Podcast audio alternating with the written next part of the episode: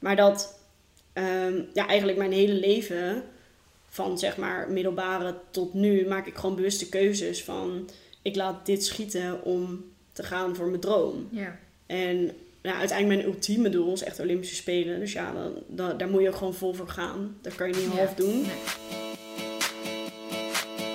Hoi allemaal, superleuk dat jullie luisteren naar een nieuwe podcast. Ik heb vandaag een hele bijzondere gast, want ik heb eh, haar überhaupt zelf nog niet eens ooit gezien. ik heb eh, voor me Demi van Nikkele Kuiper.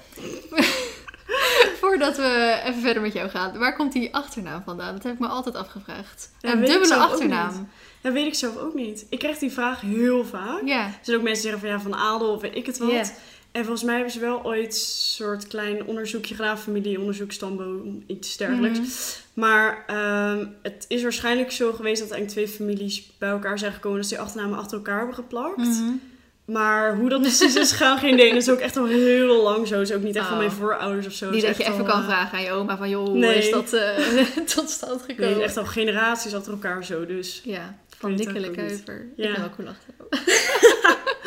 niemand kan het uitspreken op wedstrijden. Echt niemand. Het Echt gaat niet? altijd mis. Het is toch helemaal niet zo moeilijk? Nee, maar het is altijd of van nikkelen of nikkelen en dan heel lang eh, kuiper zo erachteraan. Dat is niet heel moeilijk. ja, of gewoon kuiper, vergeet gewoon heel Denken tussen. mensen niet heel vaak dat je getrouwd bent? Dat je Ja, daarom een dubbele Ik had achternaam... zelfs mijn zwemdiploma. Had ik mijn B-zwemdiploma, deze streepje ertussen. Jongens, ik ben niet getrouwd. Hoe oud was je toen? Acht of zo? echt super jong dat mijn moeder ook echt met mijn zwemdiploma daar naartoe ging van hallo. Ze is, eh? ja, ze is nog een kind. Oké, nou... eh, de reden dat je hier zit is ehm, omdat ik eh, weer eens last minute dat iemand zocht waar ik een podcast mee op moest nemen. Ik moet echt beter mijn planning gaan doen. Ik had vorige week had ik zondagochtend zelfs nog Made geappt van Made. eh heb je vanmiddag vanavond tijd om podcast op te nemen? En nu was het weer zo zaterdag. zo, Shit, ik moet voor iemand de podcast hebben. Maar ehm, ik ging dus zo door mijn appjes scrollen. Want dan denk ik, ja, de mensen waar ik nog een soort van regelmatig mee praat, weet je wel. Misschien kan ik iemand leuks, interessants uitnodigen om die podcast mee te doen. En toen zag ik jouw naam natuurlijk redelijk hoog voorbij komen. Omdat we volgens mij zaterdagochtend of zo Ja, diezelfde dag. net nog contact hebben gehad. Omdat jouw, eh, nou ja, jouw video was online gekomen over je grote plannen. En daar had ik toen op gereageerd. En toen had jij daar weer op gereageerd. En toen stuurde je mij een appje van, joh, Vlien. Volgens mij kijken we elkaars video's. Is het niet een keer tijd dat we een leuke video samen gaan opnemen? Dus, eh, dus vandaar dat je natuurlijk hoog in mijn eh, WhatsApp-lijst stond. Dus toen dacht ik, oh, maar Demi is eigenlijk wel een goeie. Want Demi heeft ook echt iets interessants te vertellen. Ik denk sowieso met... Ik ken jou voor de rest natuurlijk niet goed of zo. Echt alleen van je video's. Dus ik Ja. weet ook vrij weinig van je. Eh, maar ik, ik denk dat jij wel een leuk verhaal hebt om te vertellen. Ehm, buiten zeg maar hetgene wat je nu allemaal aan het doen bent. Want dat is natuurlijk sowieso heel erg leuk. Met wat er nu Ja. aan het verschuiven is. Ja. Ehm, dus laten we gewoon eerst even kort vertellen wat je nu bezighoudt. Dat doen we altijd even van, nou, wat, wat hebben we deze week gedaan? Dat Dus, is eh, veel. ja, deze week was eigenlijk echt gekhuis. Maar eh, ja, echt superleuke dingen. Ja, Sinds... eh, Kort, hè? Want ja, ja, we moeten een beetje kort houden. Maar sinds augustus hebben we besloten om echt fulltime voor de paarden te gaan. oh, dat is al best wel een tijdje geleden. Ja, en eh, nou, ik ben er nu ongeveer twee maanden daarmee bezig om dat eh, ja, te bewerkstelligen. En deze week is er heel veel online gekomen wat dus concreet mijn plannen zijn. En eh, daar ben ik heel veel op jaar dienst mee bezig geweest. En ook administratieve dingen als inschrijven voor de KVK, waardoor ik dus nu echt een bedrijf heb. Superleuk. En daarnaast natuurlijk de paardenrijden. En eh, mijn vlogs nog editen en Ja. doen. Ja, druk. Ja. En ook nog bij jou zitten bij de podcast. Dat ook nog even tussendoor. Nee, wel echt heel relaxed dat je zo eh, toch nog eventueel last minute kon komen in ieder geval. Ja, super toevallig. Want ik had dus ook eigenlijk gisteren zou nog bootcamp hebben, maar dat was niet doorgegaan. Mhm. En dan zou ik eigenlijk vanmorgen nog sporten, maar dat is ook niet doorgegaan. Toen dacht ik, oh, ik heb in één keer een heel rustig weekend. Ja. En toen appte je gisteren, nou, kan wel. ja, want ik dacht dus, want jij hebt hiervoor natuurlijk op Stal Chardon gestaan. Is het Stal Chardon of Manege Chardon? Paardensportchardon. Paardensport. Oh, eh, dus- Paardensportchardon. Ja, het was Paardensport- eerst manege chardon, Oké. maar Ja, goed, dus dat is, zit natuurlijk bij het Westland daar zo. En dat is voor voor mij heel erg bekend voor, want ik kom uit mijn sluis. Dus ik ehm, heb vroeger in, in die, die kade waar Chardon zeg maar gevestigd zit, als je die iets verder uitrijdt, had mijn toenmalige instructrice met een paar Shetlanders had daar een stukje grond en een stalletje, weet ik het wat. En daar heb ik mijn allereerste, volgens mij, paardrijles ooit gehad. Oh, wow. Dus dat was, en dan reden we dus altijd langs Chardon. En dan was dat de hè, manege. Ja, dat was dan de, de kakmanege. vergeleken met de stal waar wij natuurlijk die, met die Shetlanders een beetje aankloten. Dus eh, zo ken ik het. eh. En ik ben Oh ja, een keer bij. Bram geweest voor een video voor, eh, voor dat evenement eh, Paard en Koets. Oh, Daar ben ja. ik een keer bij hem voor geweest voor een video. Dus eh, toch, Oh ja, ja, omdat het toch een beetje... Ik dacht dus dat jij ook daar vandaan kwam. Maar jij komt helemaal niet daar... Jij woont daar helemaal niet in de buurt. Nee, ik kom eigenlijk uit Rotterdam. Ja. En dan was naar Chardon nog wel oké, iets van 20 minuten. Is dat wel altijd file. Mhm. Dus eigenlijk deed ik er standaard veel langer over. Maar goed, in ieder geval een kilometer ongeveer 20 minuten. Ja. Maar ik woon inmiddels bij mijn vriend in Gorkum. En dat was Oh. wel al iets meer uit de richting. Dan deed ik er, nou dat is echt al 65 kilometer. Ja. En dan nu de stal waar ik nu sta is ook ongeveer 65, 70 kilometer. Ja. Dus dat is eigenlijk wel ja, een pluspunt ik nu bij mijn vriend woon. En, eh, Ja. Dat ik meer deze kant op ben gekomen ja. Ben je echt samen gaan wonen? soort van... soort van. ja, het is eigenlijk eh, ja, gewoon een beetje bijzonder gegaan eigenlijk. Mhm. Uiteindelijk was ik steeds vaker bij hem. En ehm, we hebben niet echt tegen elkaar gezegd van we wonen samen. Maar ja, ik ben eigenlijk gewoon elke dag bij hem. En Ja. uiteindelijk toen ik de keuze maakte om dus wel van stal te verhuizen... hebben we wel tegen elkaar gezegd van ja, ehm, zijn we er klaar voor dat ik dan wel een soort van bij jou woon? Mhm. Want het is wel logisch als ik nou ja, in Gorkum ben dan in Rotterdam. Want anders Ja. is het gewoon nog 40 kilometer extra naar stal. Ja. Ja. Ehm, en nou ja, toen hebben we alle twee gezegd van nou ja, ik denk dat het kan en eh, het voelt goed, dus Nou, laten we het doen. Ja, nou fijn. Hopelijk dat het eh, zo blijft natuurlijk. ik heb er een goed gevoel over. Ja, nou super fijn. Oké, nou even naar Demi eh, helemaal vroeger. Hoe oud was je toen begonnen rijden? Eh, vijf. Vijf. En dat was gewoon op de manege? Of Ja, manege in Rotterdam. Dat Oh, is ja. echt super dicht bij mijn huis. Ook echt midden in, uh, nou de stad niet echt, maar Ja, echt wel midden in uh, en bij, de, bij Kralingse Bos. Is, is het echt, echt de Rot... Nee, Rotterdamse manege heet dat zo? Ja, ik zat op de manege soort van daarnaast. Een beetje Oh, wat jij ook vertelde, van Ja. een beetje de, de, ja, dat alles een beetje met touwtjes aan elkaar zat. Ja. Zo'n kleine manege, echt één straat van de Rotterdamse vandaan. Ja, oh, oké. Daar heb je leren rijden. ja. En toen? Eh, daar heb ik denk ik eh, een jaartje of anderhalf jaar gereden. Mhm. En toen eh, hebben we eigenlijk al onze eigen eerste pony gekocht. We hebben toen volgens mij een paar maanden, nou, ik weet niet meer zo lang, maar een paard geleased. Een Andalusier was dat. En Mhm. dat vonden we helemaal het einde, want ik wilde het al, nou ja, vanaf dat ik op het paard zat, wilde ik al een eigen paard of pony.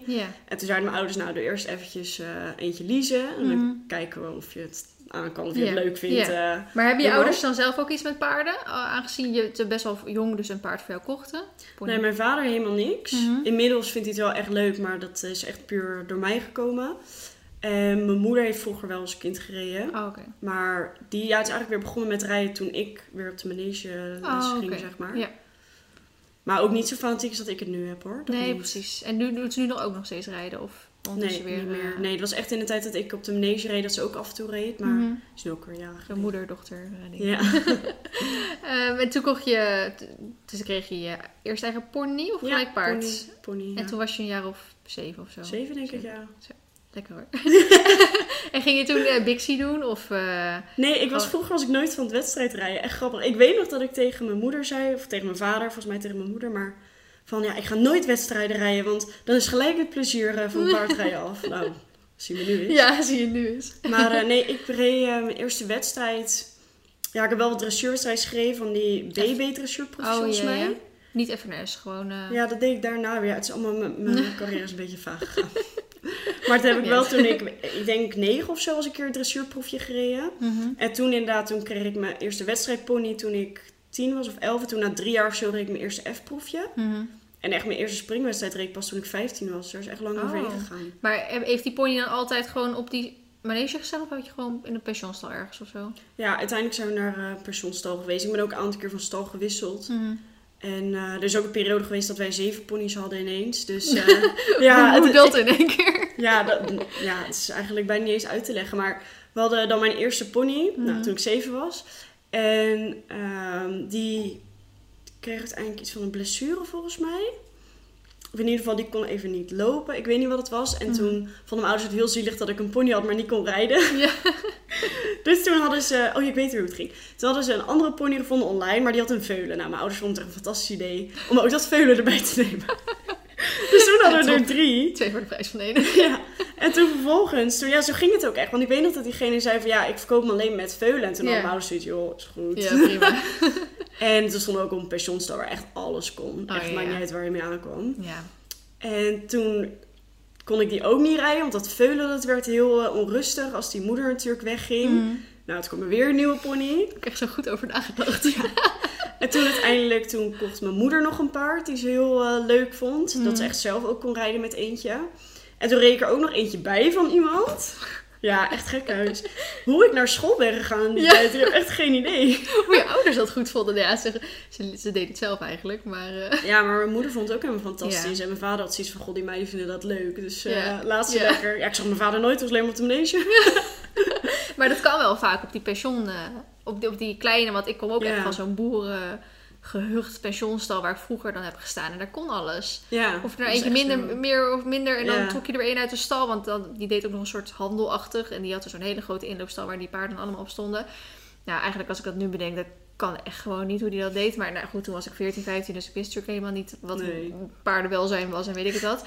Dus, eh, en dan, iedereen pakte gewoon een soort van een paard van hem erbij om dan als soort van maar erbij te verzorgen, omdat die paarden gewoon zielig waren, weet je wel. Dus dan had je in één keer Oh, twee paarden, of dan pak je ja, er dat nog één bij. Inderdaad had je... nog toen uit de pensioenstal. Die hadden van die Shetlanders. Oh ja. Die deken er ook nog eentje van. Ja. En die stonden allemaal, ik vergeet nooit meer, die stonden allemaal in de tuin.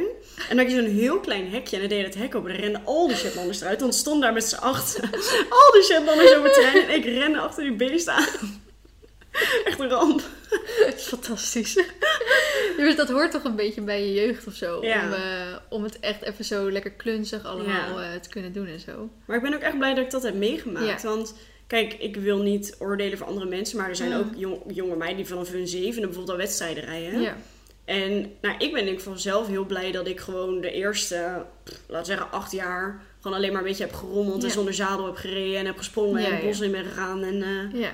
Noem maar maar op. ja. Ik, ja, dat vind ik... Het, het is inderdaad lastig om, om... Je wil niet over iemand anders zijn ja, jeugd of zo oordelen. Maar inderdaad, ik heb wel het idee van... Nou, dat is wel iets wat je eigenlijk een beetje moet gedaan hebben of zo. Ja, dat Hoort vind ik beetje. ook. Maar Ja. ook dat je misschien dan ook de, misschien je kijk op, op de paarden dan net iets anders is of zo. Dat het niet alleen een object is om, nou, natuurlijk jij en ik vinden dat niet, Ja. maar dat het niet echt een, een, een object is waarmee je de sport mee kan doen, maar dat je ook echt het recreatieve gedeelte of zo ermee ja. hebt gedaan of zo. Ja, maar dat ging in die tijd ook echt niet per se om het rijden. Ja, ik sprong er wel op. Gewoon Hmm. eh, zonder hoofdstel, zonder. Ja. Maar ja, ik, eh, ja, hoe dat ging, ja, weet je. Boeien. Ja, Ja. ik zat er gewoon op en dan sprong ik er wel af. Omdat die Shetland onder me vandaan rende. Toen dacht ik, oh, dit is een beetje risky aan het worden. Ja, ja. Maar ja, het was, het was heel anders. Het was gewoon echt met de paarden bezig zijn en poetswedstrijden en weet ik het Ja. allemaal. En ja, nou, nou, ik ben in ieder geval blij dat ik die tijd ook heb gekend. Want als Ja. ik zie hoe ik nu met de sport bezig ben, dan soms dan denk je wel bij jezelf van... Weet je, en heb je gereden en dan kom je er gewoon ontevreden vanaf. En denk ik van ja, weet je, dat is zonde, want het is Ja. eigenlijk ook je hobby. Ik, heb, Ja. ik zit nu een beetje op dat punt omdat ik eh, Marley heel graag zet dressuur wil starten. Omdat ik toch ook wel een beetje dat wil bewijzen of zo, dat wij dat kunnen. En dat ik ook wel een beetje kan zeggen, ik heb dressuur gestart. en als ik dan misschien een ander paard ooit dressuur start, heb ik er twee gestart. Dus dan mag ik volgens mij starten wat ik wil of zo. Ja. Dus, ehm, maar aan de andere kant, zeker die M2-proeven zijn zo ruk, Ja. dat ik echt zoiets heb, waarom doe ik dit nog, weet je wel? Ja. Waarom stop ik niet gewoon met, met, met heel dat fucking dressuur en ga ik gewoon lekker genieten van de buitenritjes en de oefencrossjes zoals we nu doen. En ga ik misschien iets anders doen zoals trek of endurance of working equitation, weet ik het wel, wat toch wat meer veelzijdiger is of zo. Maar dan toch denk ik, nee, even, tanden op elkaar, even doorbijten. Je bent Ja. zo close, nog vier winstpuntjes tot Ja. set en dan even één winstpunt zetten, ze trek ik mijn startkaart in, vind ik het helemaal goed. ja, ik snap het wel op zich. Bij mij is dat anders. Ik doe eigenlijk alleen maar springen. Maar ik had Ja. dan in één keer, een paar maanden terug, tijdens corona was het. Toen dacht ik van, nou ja, ik, ik kan geen wedstrijd rijden, maar dat je wel die online proeven. Toen dacht ik, nou ga ik dressuur rijden. Want toen wist ik al een beetje dat ik dus echt fulltime paarden wilde gaan rijden en trainen ook voor anderen. En toen dacht ik van, nou, het is handig als ik dan ook twee paarden in het em, dressuur heb of zo. Mhm. Dus ik was ermee begonnen en ik had dan laatst ik dan voor het eerst echt dressuurwedstrijd gereden. Gewoon niet online, maar echt fysiek, zeg maar. Mhm. En toen dacht ik echt, waarom doe ik dit? Het- ja, sorry, ik wil ook niet lelijk praten over mensen, maar toen had ik ook een jury. Nou, ja, ik had uiteindelijk wel winstpunten met Ja. alle twee. En het was ook, mijn punten waren oké. Mhm. Maar uiteindelijk, ja, dan denk ik van, waarom doe ik dit? Ik vind Ja. het eigenlijk helemaal niet leuk. Nee, maar het is wat je zegt van ik wil niet, niet over andere mensen. Maar het is gewoon echt, als jij dressuur leuk vindt, dan vind je dressuur leuk. Ja. Jij vindt springen leuk. Ik vind allebei oké. ik vind crossen leuk, weet je wel. En, en het, het is ook heel erg... van, Jij hebt echt springpaarden. Die Ja. vast ook wel leuk kunnen dressuren. Maar het zijn springpaarden. Ja. En ik merk dat heel erg op Mar- Marley, die, omdat hij een goede basis heeft en we gewoon al tien jaar een combinatie zijn. Hij doet het wel, maar Ja. niet dat hij echt zegt, nou, ik heb er zelf heel veel zin in of zo. Mm. En als je op een paard rijdt die dat al meer richting die kant gefokt is en je eigenlijk even, even lomp te zeggen, dat je alleen maar op hoeft te zitten en dat paard doet het wel voor je. Dan is het dressuurrijden in één keer veel leuker om te doen. Ja, dat denk ik ook. En ook, ja, ik word gewoon best wel afgeschaft op mijn de springzadel Ja, mijn springzadel. Ja. Dan, dan had ik die online proefjes. En ik heb ook online proefjes gehad met iets van 210 punten Zo. of zo toegegeven. Ook echt juries gehad dat die wel waardeerden wat ik deed, zeg maar. Mhm. Maar ik heb ook gewoon juries gehad en dan had ik wel een winstpuntje. Maar dan was het echt gewoon bij, bij elk onderdeel ja, aanleuning of houding of handen. Of ook gewoon letterlijk jammer van springzadel onder mijn protocol. Dat ik denk Ja. van... Kijk, weet je, ik, ja. ik rij met mooie zadels en dat weten ze ook. Maar ik bedoel, ik zat er ook over na te denken van... Stel, je, hebt, je bent iemand die niet zoveel geld heeft... en Mhm. je hebt een veelzijdigheidszadel Ja. of een springzadel... wat meer heb je niet meer, kan je niet betalen. En je Mhm. vindt het ook niet belangrijk genoeg om daar geld aan uit te geven. Ja. En als je dan onder je protocol krijgt van jammer van het springzaal, dan denk ik van ja, kijk, weet je, mij boeit het niet. Nee. Maar ik denk van ja, een beetje iets meer tact. Ja. Iets meer. Ja, ja, maar ik denk dan ook altijd van het gaat toch om hoe dat paard loopt en hoe, Ja. hoe de ruiter erop zit. En dan Ja. kan je toch misschien wel snappen van, oh, zij is een springruiter. Ja, met een springzadel kan je prima dressuren. Ik zou met een dressuurzadel minder snel gaan springen. Dus dan, als je misschien, Ja. weet ik veel, een B-wedstrijd rijdt, een springwedstrijd, en je doet dat met een dressuurzadel, dan zou ik misschien er ook onder zetten van, joh, volgende keer even met een springzadel. maar dat is meer omdat je je paard ook zwaar in de weg zit als je met een dressuurzadel gaat springen. Maar oké, ehm, terug even naar eh, het begin van het, verhaal. Je had eh ponies, ponytijd. Wat heb je in je ponytijd allemaal gedaan? Eh, ja, eigenlijk alles behalve wedstrijden gereden. Echt buitenritjes, eh, zonder zadel, eh, gekke spelletjes, middagen. Maar tot je, tot je koetswedstrijden. 15 ongeveer zei je. Ja, En toen kreeg je, kocht, kreeg je een paard. ja, op mijn, even denken. Ik kreeg op mijn tiende, elfde kreeg ik mijn eerste sportpony. Mhm. En toen vanaf mijn 15 ben ik daar wedstrijden mee gaan rijden. En vanaf mijn 16e kreeg ik volgens mij mijn eerste paard erbij. Oké. En toen heb je serieus nog dus een pony en een paard gehad. Ja, nog eh, een jaar volgens mij. Mhm. En eh, eigenlijk sinds ik die pony had, dat was ik echt wel echt een sportpony. Mhm. En die had ik echt veel aandacht nodig, want die was 3,5 toen ik hem kreeg. En ik was toen eigenlijk nog heel onervaren. Ja. Ik kon wel aardig zitten, omdat ik dus al zoveel eh, andere ponies had gereden. Maar ja, ik kon helemaal niet ponies opleiden of zo. Dus ik heb er echt heel veel begeleiding in gehad. Mhm. En toen ik eh, ja, ik- ja, iets van 15 was, toen was ik klaar voor mijn eerste springwedstrijd. Toen is het eigenlijk ook heel snel gegaan. Toen reed ik binnen een jaar reeks zet springen met de pony. Binnen een jaar. Ja, echt knettersnel. Kan, maar kan dat? Als in, dan moet je elke weekend zowat op wedstrijd gaan en dan alleen maar winstpunten binnenhalen. En dan... Nou ja, kijk, met springen is het je fout dan heb je twee winstpunten. En Ja. dan gaat het heel snel. En ik had dan wel die stelpunten al, maar nou, ja, die pony zag gewoon oké uit. En ik zag er oké op, dus ik kreeg best wel goede stelpunten elke keer. Mhm. Dus volgens mij begon ik in november, december met wedstrijden van een jaar. Ik weet niet meer welk jaar het had, 2014 I guess. en toen in januari mocht ik al naar het L. Ja. Want ik had toen inderdaad iets van drie, vier weekenden achter elkaar gereden. En dan twee proefjes per dag. En dan Ja. vier winstpunten per dag. Dat gaat Ja. natuurlijk snel. Ja. En eh, nou ja, de L en M ging eigenlijk ook heel snel. En eh, ja, de Z heb ik toen ook... Toen heb ik volgens mij wat minder wedstrijden gereden. Uiteindelijk had ik wel volgens mij mijn punt voor het ZZ ook. Mhm. Eh, maar toen was ik ook weer bezig om, om bij de paarden te rijden. Dus toen Ja. moest ik een stukje tijd verdelen. Ja. Maar dat is echt heel snel gegaan. Maar dan heb je ook wel echt was ook wel gewoon een goede pony als hij dat, ja, een eh, heel goede pony. dat hij dat even zo doet binnen een jaar. Ja, Maar ik- behalve dat jij het moet doen, moet natuurlijk de pony het ook. eh, Ja, ik denk ook echt wel dat hij goed genoeg had geweest voor eh, internationaal EK te springen. Zo. Alleen ik was nou ja, te oud, omdat ik dus 15 was toen ik begon met wedstrijden. Dus nou, dan had ik eigenlijk nog maar een jaar en dat was voor mij niet mogelijk om dat te halen. Nee. En toen uiteindelijk is hij wel verkocht naar twee meiden die die ambitie hadden, maar die zijn uiteindelijk ook sneller doorgegaan naar de paarden. Oh. Omdat eh, zij ja, wat langer werden en ze wilden over naar de paarden. Dus eigenlijk heeft hij uiteindelijk niet die kans gehad om eh, echt op dat niveau te presteren, maar ik denk dat hij dat wel echt had gekund. ja. Had ook een heel grote galop. Ik reed ook bij de paardenlessen en zo mee. Oh, echt? Ja, daar kon hij gewoon allemaal... eh, Was een D-pony dan? Ja. ja. Oh, dat is... Wel een hele grote D, was 1,48 gemeten. Oh ja, ja. Hij was eigenlijk iets groter, maar het was natuurlijk heel nadelig ook voor de verkoop en voor mijn wedstrijden en Ja. zo. We zijn teruggegaan naar Ermelo om opnieuw te laten meten. Toen was hij Ja, echt prima. twee van die mannen echt zo, hmm, even kijken. overleggen, nog een keer kijken. Eigenlijk was hij gewoon iets groter, maar uiteindelijk is Zeg er hij maar niet 1,48 officieel gemeten. Ja, ja prima. Niet jouw probleem meer. Nee, echt hè. En ehm, welk paard heb je, had je, heb je toen gereden? Was dat toen al eh G-Lime of Ariane? Of Ariane, ja. Dat was, eh, toen, je, toen was je dus een jaar of 16 denk ik. 16. Ja, Hoe oud ben je nu eigenlijk? 21. Dus ja, dat klopt. Ja, ik heb er vijf jaar gehad. Dus Ja. ja. ja. En eh, heb je die ook zeg maar vanaf dat zij jong was? Of kon die al iets? Of... Ariane was zes en die had toen één keer M gelopen. Dus wel redelijk wat ervaring. Ja. Maar echt, volgens mij had hij echt maar letterlijk één keer M gelopen. En daar was ik toen bij. Want toen had ik toevallig een wedstrijd met mijn pony op die locatie. En toen was zij er ook. En toen had ik haar gelijk gezien. Mhm. En eh, Die willen kopen? ja, toen ben ik twee dagen later gaan kijken.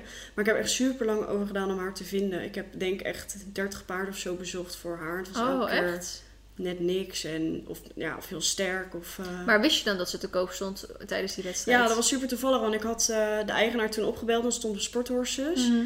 En toen ehm, hadden we dus ook wedstrijd daar in de buurt. Dus we zeiden van, kunnen we dan zondag komen kijken? Mhm. Want dus, dan zijn we toch in de buurt. En toen zei hij, nou, zondag heeft ze wedstrijd daar en daar. Zo, oh, ben je ook, waar dan? Nou, Mhm. dat is dus precies dezelfde Oh locatie. ja, grappig. en toen twee dagen daarna heb ik eh proef gereden voor het eerst. Oh ja. En hoe was dat? Ja, ik had wel voor het eerst direct eh, een klik. Bij Mhm. eigenlijk, bij, dat was de eerste van alle paarden die ik had bezocht, dat ik dacht van, nou, dit zou hem wel kunnen zijn. Ja. Dus ben ik volgens mij twee keer zelf wezen kijken. En de derde keer had ik mijn toenmalige trainer meegenomen. Mhm. En hij zei wel van ja, Demer zijn paard wil waar je morgen eh springwedstrijden mee kan rijden, moet je deze kopen. Ja. Want ze was al gewoon stabiel genoeg en Ja. echt wel er klaar voor om mij eh, daar... En dat was ook het ja. idee om, om een paard te kopen die dat eh, kon en zo. Ja, ik ben wel altijd fan van jonge paarden. Mhm. Nou dat is gewoon persoonlijke voorkeur, maar ook ja, met een beetje ondernemersgedachten erachter. Als een paard te oud is, dan kan ik het natuurlijk niet meer verkopen. Nee. En dat was toen ook wel, dus 6 was wel, 6, 7 was wel een beetje de max waar Ja. we ze zochten. Mhm. Maar deze had wel gewoon al wat gedaan. Want ik denk dat een drie of vierjarige paard op dat moment voor mij ook niet geschikt geweest. En ehm, toen kocht je dus op een gegeven moment... Het is het G-Lime, denk ik? Ja, een jaar later. Jaar later. Dus mijn pony verkocht. En toen... eh, En wat is dan zeg maar uiteindelijk soort van de keuze om twee... Ja, je bent natuurlijk wel al een soort van heel je paardenleven gewend om meerdere paarden te Ja. rijden. ik was gewoon acht jaar lang gewend om er maar eentje te hebben. En toen had ik in één keer twee. Toen ik in één keer drie. Dat was heel raar. Maar jij bent al een soort van heel je leven gewend om al meerdere te rijden. Ja. En, en- maar wat is dan voor veel mensen die dat misschien niet weten of niet hè, altijd maar één paard hebben gehad, of misschien geen paard hebben, maar waarom neem je een soort van de keuze om twee paarden te hebben? Ehm, nou ja, wij hadden gekozen om pony en paard te doen om alvast eh, nou ja, te laten wennen aan de paarden. En toen denk ik om een pony te koop. En toen kwam de... Volgens mij was hij toen... Hij was in ieder geval jurylid, maar hij was toen volgens mij ook voorzitter van KNS Zuid-Holland, I Mhm. guess. En toen kwam hij naar mijn, naar mijn ouders toe, naar mijn vader. En zei hij van, nou, als eh, Mike verkocht is... Dan eh, moet je maar een tweede paard misschien kopen voor Dame, want dan kan ze gelijk door. dus nou, mijn ouders wisten niet wat ze hoorden. Die dachten, oh, gaan we gaan we weer? weer. Even kalmen. Dus, maar wat bij ons eigenlijk altijd de insteek is geweest, is dat als, er, als je er één hebt en die is geblesseerd, sta je stil. Ja. En ik heb wel altijd al sportambities gehad. En ik wilde eigenlijk niet Vanaf je vijftiende. Ja, ja inderdaad. Vanaf mijn vijftiende. Vanaf het moment dat ik wedstrijd reed, wilde ik Ja. eh, door. Wilde je door. Ja. Ja. Dus eh Op zich ook wel dat weer was logisch, ja. De Dat je- beweegreden daarachter. Op zich wel, nu je dat zo zegt inderdaad, ik heb daar nooit echt zo over nagedacht, maar ehm, toen Olympus vorig jaar, hè, ik kocht er een tweede paard bij.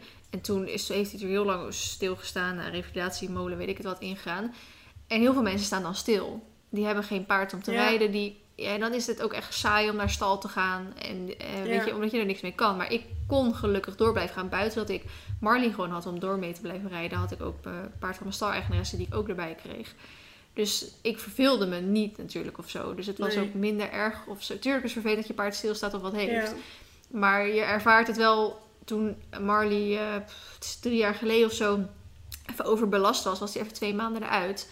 En dan ga je inderdaad eigenlijk alleen naar stal om even hoi, even stappen, Ja. even stalmesten. En eh, ja, dat, dan sta je dan, Ja. heb je gewoon even twee, drie maanden in één keer niet gereden. Ja, en wat ik ook er fijn aan vind, is dat je ook, als je dan een paard hebt die wat heeft, dat je dan ook daar gewoon de tijd voor kan Ja. nemen. En dat je niet, als je dan weer voor een check of zo naar de veearts gaat, dat je dan denkt, oh, hij moet nu goed zijn, anders moet ik weer een maand stappen. Ja. En, ja, omdat je ook weer, dan denk je, oh, ik heb al zo lang niet gereden. En ja, dan, eh, precies. ja, dat is inderdaad ook alweer zo. En ook, ik merk het nu met G-Lime. Nou, G-Lime heb ik echt wel voor, eh, voor de jeugdrubrieken, de hoogste jeugdrubrieken. Mhm. En bij haar is het gewoon belangrijk dat ze gewoon fit blijft. Ja. Want de instelling heeft ze, de aanleg denk ik ook. Uiteindelijk moet je nog maar zien eh, waar het schip strandt. Maar Mhm. Kijk, met G-Lime is gewoon nu mijn insteek. Ik rij haar één keer per maand op concours. Ja, Want dat vind ik gewoon genoeg. op ja, ZZ-niveau, toch? Ja. Dat kan je niet elke weekend doen, zeker? Nee, nou, nou ja, nee, ja, ik vind van niet. Mhm. Maar ja, daar zijn de meningen ook over verdeeld. Mhm. Helemaal de springruiters, die gaan natuurlijk elk weekend weg. Mhm. Ehm, maar ja, ik vind dat met Gila niet nodig. Want elke keer als ik op concours ga, dan springt ze foutloos in ieder geval het set. En dan het set-set zijn we nog nou, een beetje aan het wennen aan het niveau. Maar in ieder geval springt ze gewoon elke keer een heel goed parcours.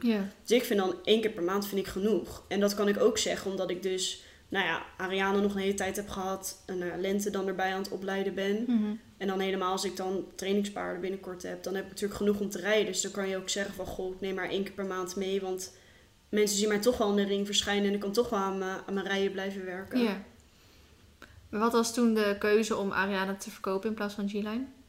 Eh, eigenlijk het meest praktische reden is dat Ariane twee jaar ouder is. Oh ja. Dus eh, ja, G-Lime die kan ik nu nog twee jaar rijden. Is even oud als Ariane. En dan kan ze nog steeds even makkelijk weg. Zodat Ariane weg kon voor nog een tweede carrière in de sport, zeg maar. Mhm. En ik had met Ariane nu ook wel zoiets van, ja, ze, nou, ze is dan nu elf. Dus ze kan nu nog, nou ja, laten we zeggen, vier tot zeven jaar sport lopen. Ja. Dat paard is echt kerngezond, dus ik ga ervan uit dat hij, nou, misschien wel tot de achttiende nog in de sport kan lopen. Mhm. En dat gun ik haar ook. En als je natuurlijk eentje verkoopt als die 15 is, ja, Ja. dan wordt hij toch een beetje bijpaard. Of ja, Ja. Wat, wat wordt hij dan? En ehm, uiteindelijk had ik met Ariane misschien ook wel het gevoel dat ik een beetje de grens had bereikt. En het lag niet aan haar. Ook niet per se aan mij, maar het was gewoon denk ik meer de combinatie. Met Gila heb ik vanaf één gewoon misschien iets betere klik gehad. Of. Het is wel, misschien ook een paard wat meer bij mij past. Ja. Want wa- waarin zijn ze verschillend dan? Ehm Gila is sowieso, die denkt heel erg mee. Mhm. En die is ook eigenlijk helemaal niet eigenwijs. Ze heeft natuurlijk wel haar eigen karakter, maar ze is wel heel erg van: oké, ik moet dit doen, dus dan doe ik het. En Ariane is gewoon wat meer merrie. Dus die heeft af en toe ook wel echt zoiets van: nou, doe het even anders. Maar want Lente is ook weer een merrie. Ja, is zoek ook heel ze, erg Zoek je ze daarop uit of... eh? Eh, ik heb wel een kleine voorkeur voor merries. Mhm. Ook twee redenen. Ten eerste omdat ik heb wel, als je merries voor je gewonnen hebt, dan zet ze net een stapje extra, vind ik dan een ruim. Ja, dat hoor je wel vaak. Ehm, en ook uh, ja, verkooptechnisch, zeg maar. Als ik ze wil verkopen, of stel ik had Ariane wel gehouden tot, tot ze 15 was, kan ze nog weg als fokmerrie. Ja. Of ik kan er zelf mee fokken. Ja. Ja, hoor je vaak inderdaad. Dus dat is eigenlijk voor mij de reden daarachter. Ja. Maar het is niet dat ik een ruin of een hengst niet zou kopen. Nee. Helemaal op de nieuwe locatie kan ik ook hengsten kopen en dat is ook prima. Dat Ja. maakt me verder niet zo heel veel uit eigenlijk.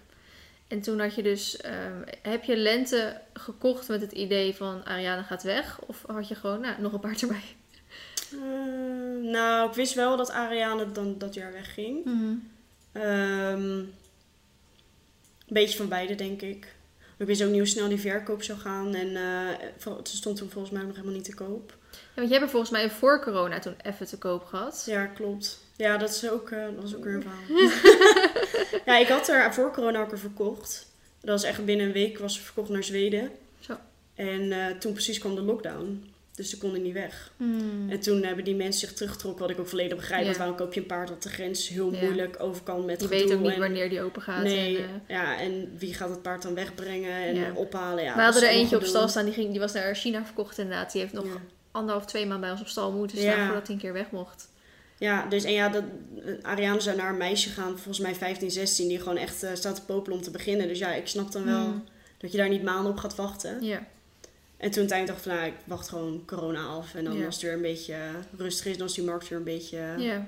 beetje opkomt, dan zeker weer te kopen. Toen was ze ook binnen vijf dagen weg. ja, Dus- bizar. Ik dacht dus eerst, omdat je daar toen al te koop had gezet, dacht ik van wow, die heeft lang te koop gestaan. Ja. eerst.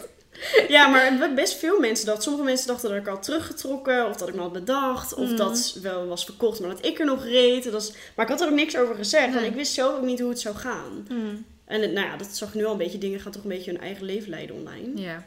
En eh, daarnaast heb ik natuurlijk ook met die Zweedse mensen, dat is ook allemaal niet in één dag gebeurd. Hmm. Ik bedoel, na een week wist ik dat ze haar wilden kopen, maar ja, toen kwam de lockdown. Van ja, doe je wel een keuring, doe je niet een keuring? Eh, hoe gaat ze daar dan heen? Willen ze laten keuren in Zweden of in, of in Nederland? Of wat, ja, weet je, het- alles werd in één keer zo moeilijk door die lockdown ook. Mhm. Toen ben ik best nogal lang met ze in contact geweest, maar uiteindelijk moet je het gewoon opgeven. En zeiden Ja. die mensen ook van ja, het gaat op dit moment gewoon niet. Nee. En toen dacht ik van ja, weet je, ik, ik wacht gewoon even af. En ja, wat moet je erover zeggen? Ja, ja. Ja. precies. Ik wist zelf ook niet hoe het ging. Nee. En le- lente heb je best snel gevonden, toch? Tenminste, een beetje, Ja. ik weet natuurlijk niet of je alles van je zoektocht online hebt gezet, maar je had er echt maar een paar voor. Het is zoals ik bij Ariane zei, dat je, dat je, er 30 van voor Ja. hebt gekeken. Bij lente was die wel eh was Ja, lente was echt snel. Ja, ik had er eentje gekeken voor lente. En ehm, Ook een vos was dat, toch? ja, Ja. ik weet niet wat ik met vossen heb. Dat was wel een trouwens. Oh, ik wilde zeggen, want merries en vossen zeggen ze altijd. Ja, dat vosmerries. Het, eh, vosmerries, Ja. dat dat niet zo'n goede combinatie is. Ja, daar heb ik geen last van persoonlijk. Maar ja, ik heb nu voor het eerst dan een andere kleur merrie. Ja, dus misschien dacht ik misschien ook nu het verschil gaan merken. Maar lente is ook eh, een portret. Dus eh, Ik vind het erg leuk. Buiten dat ik heel erg van schimmels hou, heeft het natuurlijk ook een paar van die stipjes. ja. Een soort van appeloes. Ja. Meer een stuk beter. Nee, leuk. En eh, wat is je... ehm, ja, denk je dat over twee jaar G-Lime te koop komt? Of heb je echt nog geen idee? Of denk je, nou, ik hou er zelf? Of Ehm, zeg maar, gaat het hetzelfde traject als Ariana? Of... ja, weet ik niet zo goed. In, in het beste geval zou ik haar houden. Ehm, sowieso omdat ik nou, onder 25 wil rijden. Daar heb ik dan vanaf 2021 heb ik er nog vier jaar voor. Mhm. En als ik Gilam over twee jaar verkoop, ga ik niet een andere vinden die dan Nee. met mij kan eh, rijden. Plus dat Gilam die is nu 9, dus tegen de tijd, zeg maar over 4, 5 jaar, dan is ze 14 en dan is ze nog steeds fit genoeg voor sport. Mhm. Tenminste, daar ga ik vanuit. Mhm.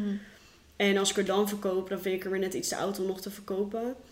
Ehm, maar ik wil eigenlijk haar sowieso houden voor de under 25.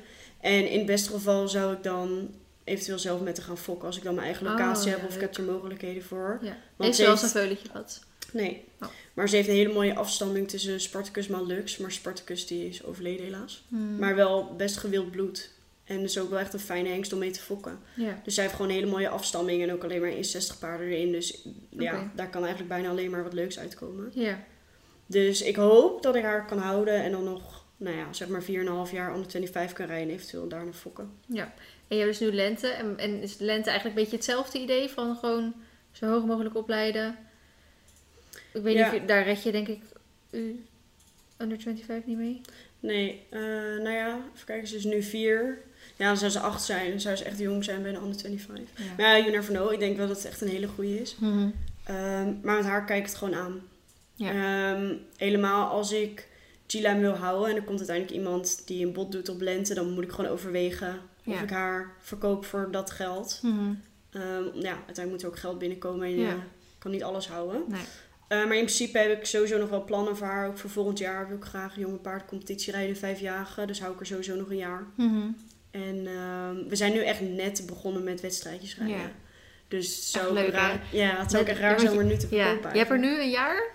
Eh, een half jaar, denk ik. Half jaar? Oh, ja, voelt iets echt langer. langer. Volgens mij zeven maanden of zo, denk ik. Oh, dat voelt echt langer. Maar dan in het begin, hè, die, die, eh, dat, dat, dat, dat filmpje waar je toen in die binnenbak reed, toen je, toen je haar ging eh, proberen, zeg maar, hoe dat dan over een kruisje heen ging. Ja. En, maar dat is hartstikke logisch. Terwijl het echt een puppy was het natuurlijk nog.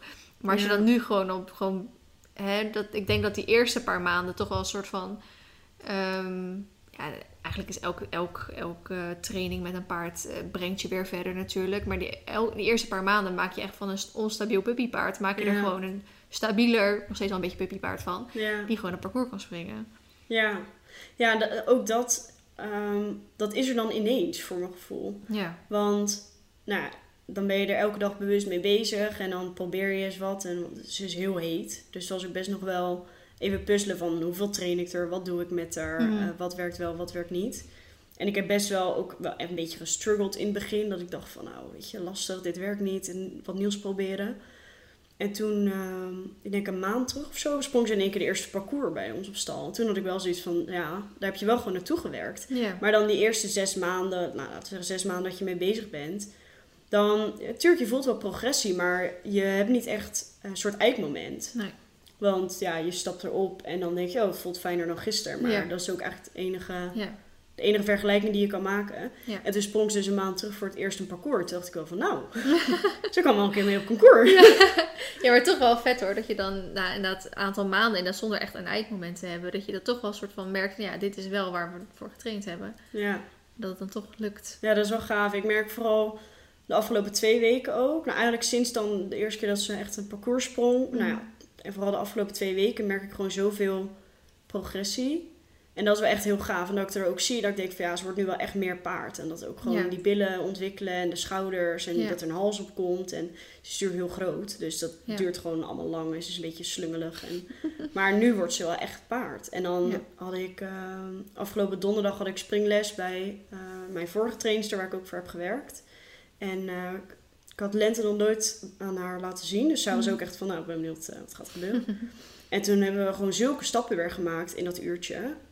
En dan denk je wel van, oh ja, dit is wel echt gaaf. Ja. En dan gaat ze het ook begrijpen. En als je dan drie keer zegt, even stilstaan, even wachten. Dan die vierde keer denk je, oh ja, ik moet wachten. Ja.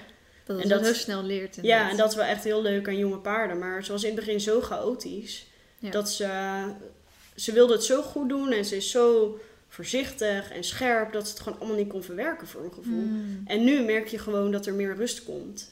En dan ook in combinatie met de rustige omgeving op de nieuwe stal. Ja. En eh, supplementen die daarbij helpen. En dat ze mij natuurlijk beter leert kennen. En dat er een routine in de dag komt. Kijk, dat soort Ja. dingen helpen allemaal mee. Ja. Maar ik heb nu, nou, vooral de laatste twee weken, dan heb ik echt zoiets van ja, er gaan echt kwartjes vallen nu. En dat is Mhm. gewoon heel leuk. Ja. Dat je dat gelijk eh, terug eh, merkt dan. Ja. hey, wat voor ehm, opleiding heb jij gedaan? Of ja, even, even tussen de paarden door, hè? Eh, want je bent er even voor gekozen om fulltime de paarden in te gaan. Maar wat Ja. is daar vooraf aan te passen gekomen? Eh, ik heb alleen middelbare gedaan. Ik heb gymnasium gedaan. Mhm. En ehm, toen na het gymnasium, of eigenlijk tijdens mijn, mijn zesde jaar, had ik al besloten van ik wil een tussenjaar nemen. Want Mhm. ik reed toen al internationaal junioren met Ariane. Mhm. En eh, nou, je bent ongeveer geslaagd in mei, juni. En toen had ik nog die laatste paar maanden van het jaar om junioren te rijden. Mhm. En toen dacht ik van, nou, daar wil ik gewoon voor gaan. Want ik heb al die tijd school gedaan met paarden ernaast. En dat was gewoon altijd heel erg bikkelen. Mhm. En eh, ik heb geluk dat ik makkelijk leer. Maar ja, ik had, ik had nog een extra vak. En ik had Latijn nog als extra taal. En weet ik dat allemaal. Ja, ik weet ook niet waarom ik daarvoor Ik koos. had het laatst met iemand over die dat ook. Op de, op, dan heb je Nederlands, Frans, Duits, ehm, Grieks, Latijns, Engels. Ja, Zit, daar ben ik er, hè? ja, dat doe je allemaal de eerste Zes drie jaar sowieso. talen. Terwijl Ja, je. En dan heb je ook nog je, weet ik veel, geschiedenis, natuurkunde, weet ik het dan allemaal. Dus dan heb je gewoon zes talen en nog zes vakken. Gewoon de helft van je vakken zijn gewoon talen. Ja. Dat is toch what the fuck? Ja, ik heb wel echt vanaf de vierde heb ik zoveel mogelijk talen laten vallen. Ja, want ik dacht echt nou. Maar aan de andere kant is dat met je examen niet per se een voordeel. Want alle examens zijn natuurlijk leestoetsen. Hmm. Ehm, en ik had alleen nog Latijn uiteindelijk als taal en dan Engels en Nederlands. Maar ik had eh, economie, ik had wat had ik voor pakket? NNG had ik. Ja. En dan met natuurkunde, scheikunde, biologie, economie en aardrijkskunde nog erbij. Maar dat waren Mhm. allemaal leervakken. Ja. Dus uiteindelijk die tweede week dat ik mijn examen had, had ik echt zeven examens in één week. Alleen maar leervakken. Want die talen heb je de eerste week allemaal. Ja, klopt inderdaad. Toen dacht ik echt, nou, wat doe ik met mijn leven? Hier heb ik niet strategisch uitgekozen, denk je. Nou, shit, ik heb een paar jaar geleden wat fouten gemaakt. Volgens mij. Kan ik nog een switchen? Oké, maar ehm, nou, wel diploma gehaald. Ja. En toen? Nou, nou, toen voor het tussenjaar gegaan. Mhm. En toen dat jaar is eigenlijk heel veel gebeurd. Dat is ook wel de reden dat ik eh, nu hier sta.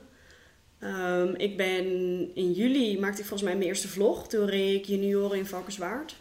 En toen dacht ik, nou, vind ik... Nee, toen, toen werd ik gesponsord door Caro Containers. En toen wilden zij wat beelden van mij voor een video die zij dan op hun kanaal konden delen. Zodat ze hun sponsor, sporters, want ze deden ook andere Mhm. sporten, konden voorstellen. Dus nou, ik had dat gefilmd. Uiteindelijk had ik... Toen vond ik heel veel gefilmd. De vlog duurt drie minuten, dus zoveel was het niet. Maar toen dacht ik, nou, ik zet het gewoon online. Ja. En eh, nou, toen groeide mijn YouTube best wel snel. Toen dacht ik, van, nou, dit is eigenlijk wel leuk. ja. Maar wa- waarom ben, heb je ervoor gekozen om ehm, YouTube te gaan doen? Ja, om meer naamsbekendheid op te bouwen voor mezelf als ruiter. Oh, dus Verder- je wel echt al een beetje vanuit het, de gedachte van... ik wil later iets met die paarden gaan doen. Misschien Ja. kan mij dit daarbij helpen. Ja, ik denk dat het toen vooral was omdat ik toen internationaal junioren reed. En dat kost ook allemaal veel. En dan is het gewoon sowieso handig om natuurlijk mensen te kennen. Omdat ik toen had ik wel echt zoiets van ja, ik moet rijden voor iemand. Of ik moet goede sponsors hebben. Of eh, in ieder geval, toen ging ik er nog niet per se vanuit dat ik echt zelf mijn geld zou verdienen in de paarden. Ehm, maar ik dacht, ja, naamsbekendheid opbouwen is altijd handig. Ja. Ehm, ja, en toen ging dat eigenlijk veel beter dan ik had verwacht. En volgens mij had ik dat jaar ook al mijn eerste samenwerking. Of anders begin dat jaar daarna. Mhm. En ehm, toen had ik eigenlijk besloten om dus na mijn tussenjaar bedrijfskunde te gaan studeren op Erasmus. Mhm. En toen eh, wilde ik ergens stage gaan lopen op een bedrijf, wat mijn vader dan ook weer via via kende. En eh, zij doen ook het CRO Rotterdam organiseren. Oké, vet ja.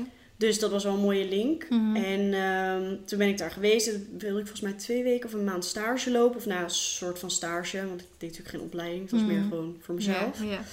Ehm, en dat heb ik toen gedaan. En ze waren toen best wel tevreden over mijn werk. En ze zochten ook iemand die een beetje verstand had van paarden. Mhm. Op kantoor. Want ze hadden nou, heel veel paardenevenementen. Maar geen eh paardenkenner, Ja. zeg maar. Dat is wel belangrijk hoor. Ja, dus eh, eh, nou ja, dat vond mijn toenmalige baas dus ook ja, wel fijn om op kantoor te hebben. Dus toen hebben ze me een baan aangeboden. Mhm. En daar ben ik toen voor gegaan. En toen bedacht ik me wel, toen ik me in januari of zo moest gaan inschrijven. Van ja, ik heb nou mijn YouTube, ik heb paarden, ik werk nog op kantoor parttime erbij. Mhm. Hoe gaat een fulltime studie daarin passen? Ja, En niet. nee, ik vond het gewoon heel zonde om eigenlijk alles wat ik in dat jaar had opgebouwd, Ja. een soort van weg te gooien voor een studie. Ja. Ehm, dus toen heb ik besloten om voor een tweede tussenjaar te gaan.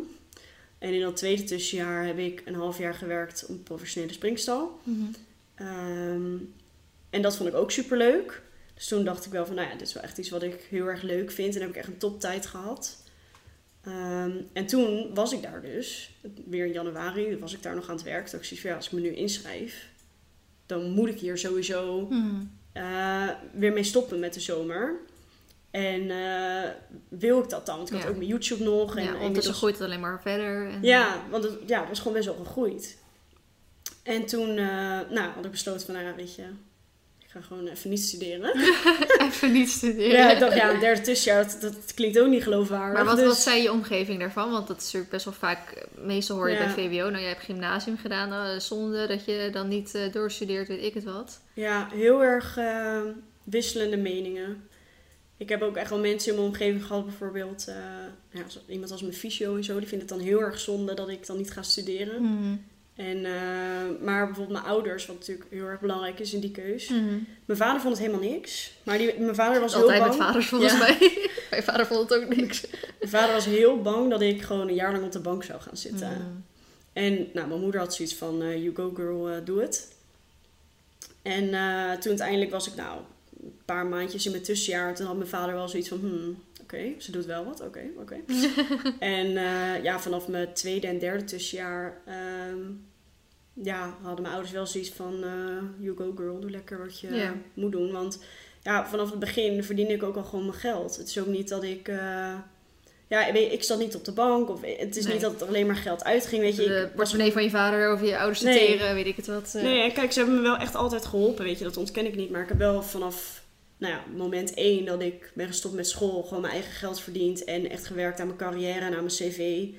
En nou ja, ik ben nu ook wel in een situatie dat ondanks dat ik geen universiteit heb gedaan, dat ik wel bij veel bedrijven aan kan kloppen van hé, hey, eh, Ja. zoek je nog iemand? Ja. En ik heb inmiddels zoveel werkervaring Ja. voor zoveel bedrijven gewerkt. Nou, dat is natuurlijk. eh, Ik heb er wel voor gekozen om mijn HBO af te maken. Maar ik was al begonnen voordat ik eh, YouTube ging doen en zo. Nou ja, uiteindelijk heb ik zeven jaar over mijn HBO gedaan. Dus dat is ook niet een vlekkeloos geloop als je er ook nog fulltime YouTube naast wil gaan doen. Maar ik geloof er niet in dat ik straks word aangenomen om een diploma. Als ik hè, mocht YouTube ooit stoppen en ik ga precies. ergens werken of zo, dan ga ik niet aangenomen worden op mijn diploma. Dan ga ik aangenomen worden op mijn werkervaring Ja, precies. die Maar, je opgedaan ja. hebt. Maar sowieso, kijk, een diploma is altijd handig om te hebben. En als mijn toekomstige plannen zeg maar allemaal niet lukken of weet ik het wat, dan kan ik altijd nog gaan Ik ben studeren. helemaal klaar met die paarden. Ja, en ik sluit ook echt niet uit dat ik, dat ik niet ooit nog ga studeren. Het kan best Mhm. dat mijn leven zo verandert dat ik denk, nou ja, weet je, ik inderdaad ben klaar met de paarden. Ik eh, ga naar school en dan ga ik eh, solliciteren bij Ja. een van de multinational. Weet ik veel. Gaan we maar die overnemen ook goed. ja, Ik kan ook goed genoeg geld, geld verdienen. ja. Maar ehm, ja, ik, inderdaad, wat je zegt, ik heb nu ook al zoveel opgebouwd qua de merken met, met welke merken ik heb gewerkt en de bedrijven voor wie ik dingen heb gedaan. En eh, nou ja, ook voor meerdere stallen gewerkt. En je kan er aan mijn cv wel zien dat ik het ook lang uithoud, bijvoorbeeld bij bedrijven. Want het bedrijf waar ik net over vertelde, heb ik twee jaar gewerkt. Met dan een tussenpauze van een half jaar dat ik naar Ja. Anouk ging. Maar Mhm. Ehm, en ik heb ook echt veel gedaan. En dat ben ik ook wel dankbaar voor. Ik heb dat bij, bij dat bedrijf ook echt veel kansen gekregen. Ja. Want ik ben daar eigenlijk begonnen als soort... Ja, stagiair plus. Mhm. Ja, ik, had niet echt per se een functie.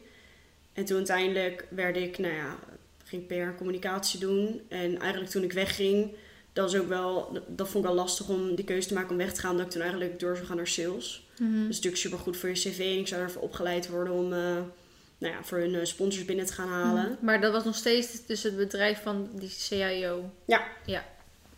Dus ik- ook dat kan ik natuurlijk allemaal vermelden op mijn cv in combinatie met mijn eigen bedrijf. En ook toen YouTube nog niet echt officieel een bedrijf was, heb ik wel Mhm. Zoveel gedaan en eh, weet Ja. ik het allemaal. Dus ja, Ja. Ja. daar kijken bedrijven ook naar. Ja. En ehm, nou ja, je hebt dus eh, stage gelopen en eh, op, op plekken gewerkt. Wanneer kwam het moment dat je dacht, ik, nu ga ik voor mezelf? Ehm, nou, het is eigenlijk sinds ik bij Anouk ben geweest, bij die springstal, heb ik altijd wel gedacht, nou, dit vind ik wel echt heel leuk. Ik reed daar zeven paarden per dag ik was de hele dag met de paarden bezig. En Mhm. het gaf mij ook wel een rust om daar gewoon één ding te doen. En ik Mhm. probeerde dan nog mijn YouTube-video's erbij te doen, maar dat was eigenlijk niet te doen, want ik woonde daar ook op mezelf. En ja, weet je, er moet ook eh, gekookt en eh, gewassen Ja. worden en weet ik dat Mhm. allemaal. En ik werkte daar echt hele lange dagen. Maar ja, Ja. dat is gewoon paardensector. Dat gewoon. Ik heb altijd als ik die vacature gezien, geen 9 tot 5 Nee. mentaliteit. Nee, een 7 uur s ochtends tot 10 uur s avonds mentaliteit. Nou, zo ongeveer. Ja, dat zes dagen per week. ja. Ja, dus ehm, nou, dat vond ik gewoon super leuk. En toen uiteindelijk kwam ik terug en toen wist ik even niet zo goed wat ik aan moest met mijn leven. Dus dacht ik, nou, ik solliciteer weer bij mijn vorige werkgever. Hmm. Nou, die vond het ook heel leuk om mij weer aan te nemen. En eh, nou, toen ben ik zo begonnen met PR-communicatie richting sales. Dus hij Mhm. had ook echt wel een plan voor me. En toen uiteindelijk had ik wel de laatste maanden zoiets van... ehm, nou, het hele gedeelte rondom YouTube en de samenwerking werd sowieso groter. En dat deed ik er dan soort van bij. En ik had toen drie paarden op dat moment. Doe je YouTube eh, helemaal zelf trouwens? Ja, Ook de, de samenwerking en de dingen. En Ja. de- ja, ik Wil je dat blijven doen? Of heb je op een gegeven moment, nou, alsjeblieft neem het uit handen iemand?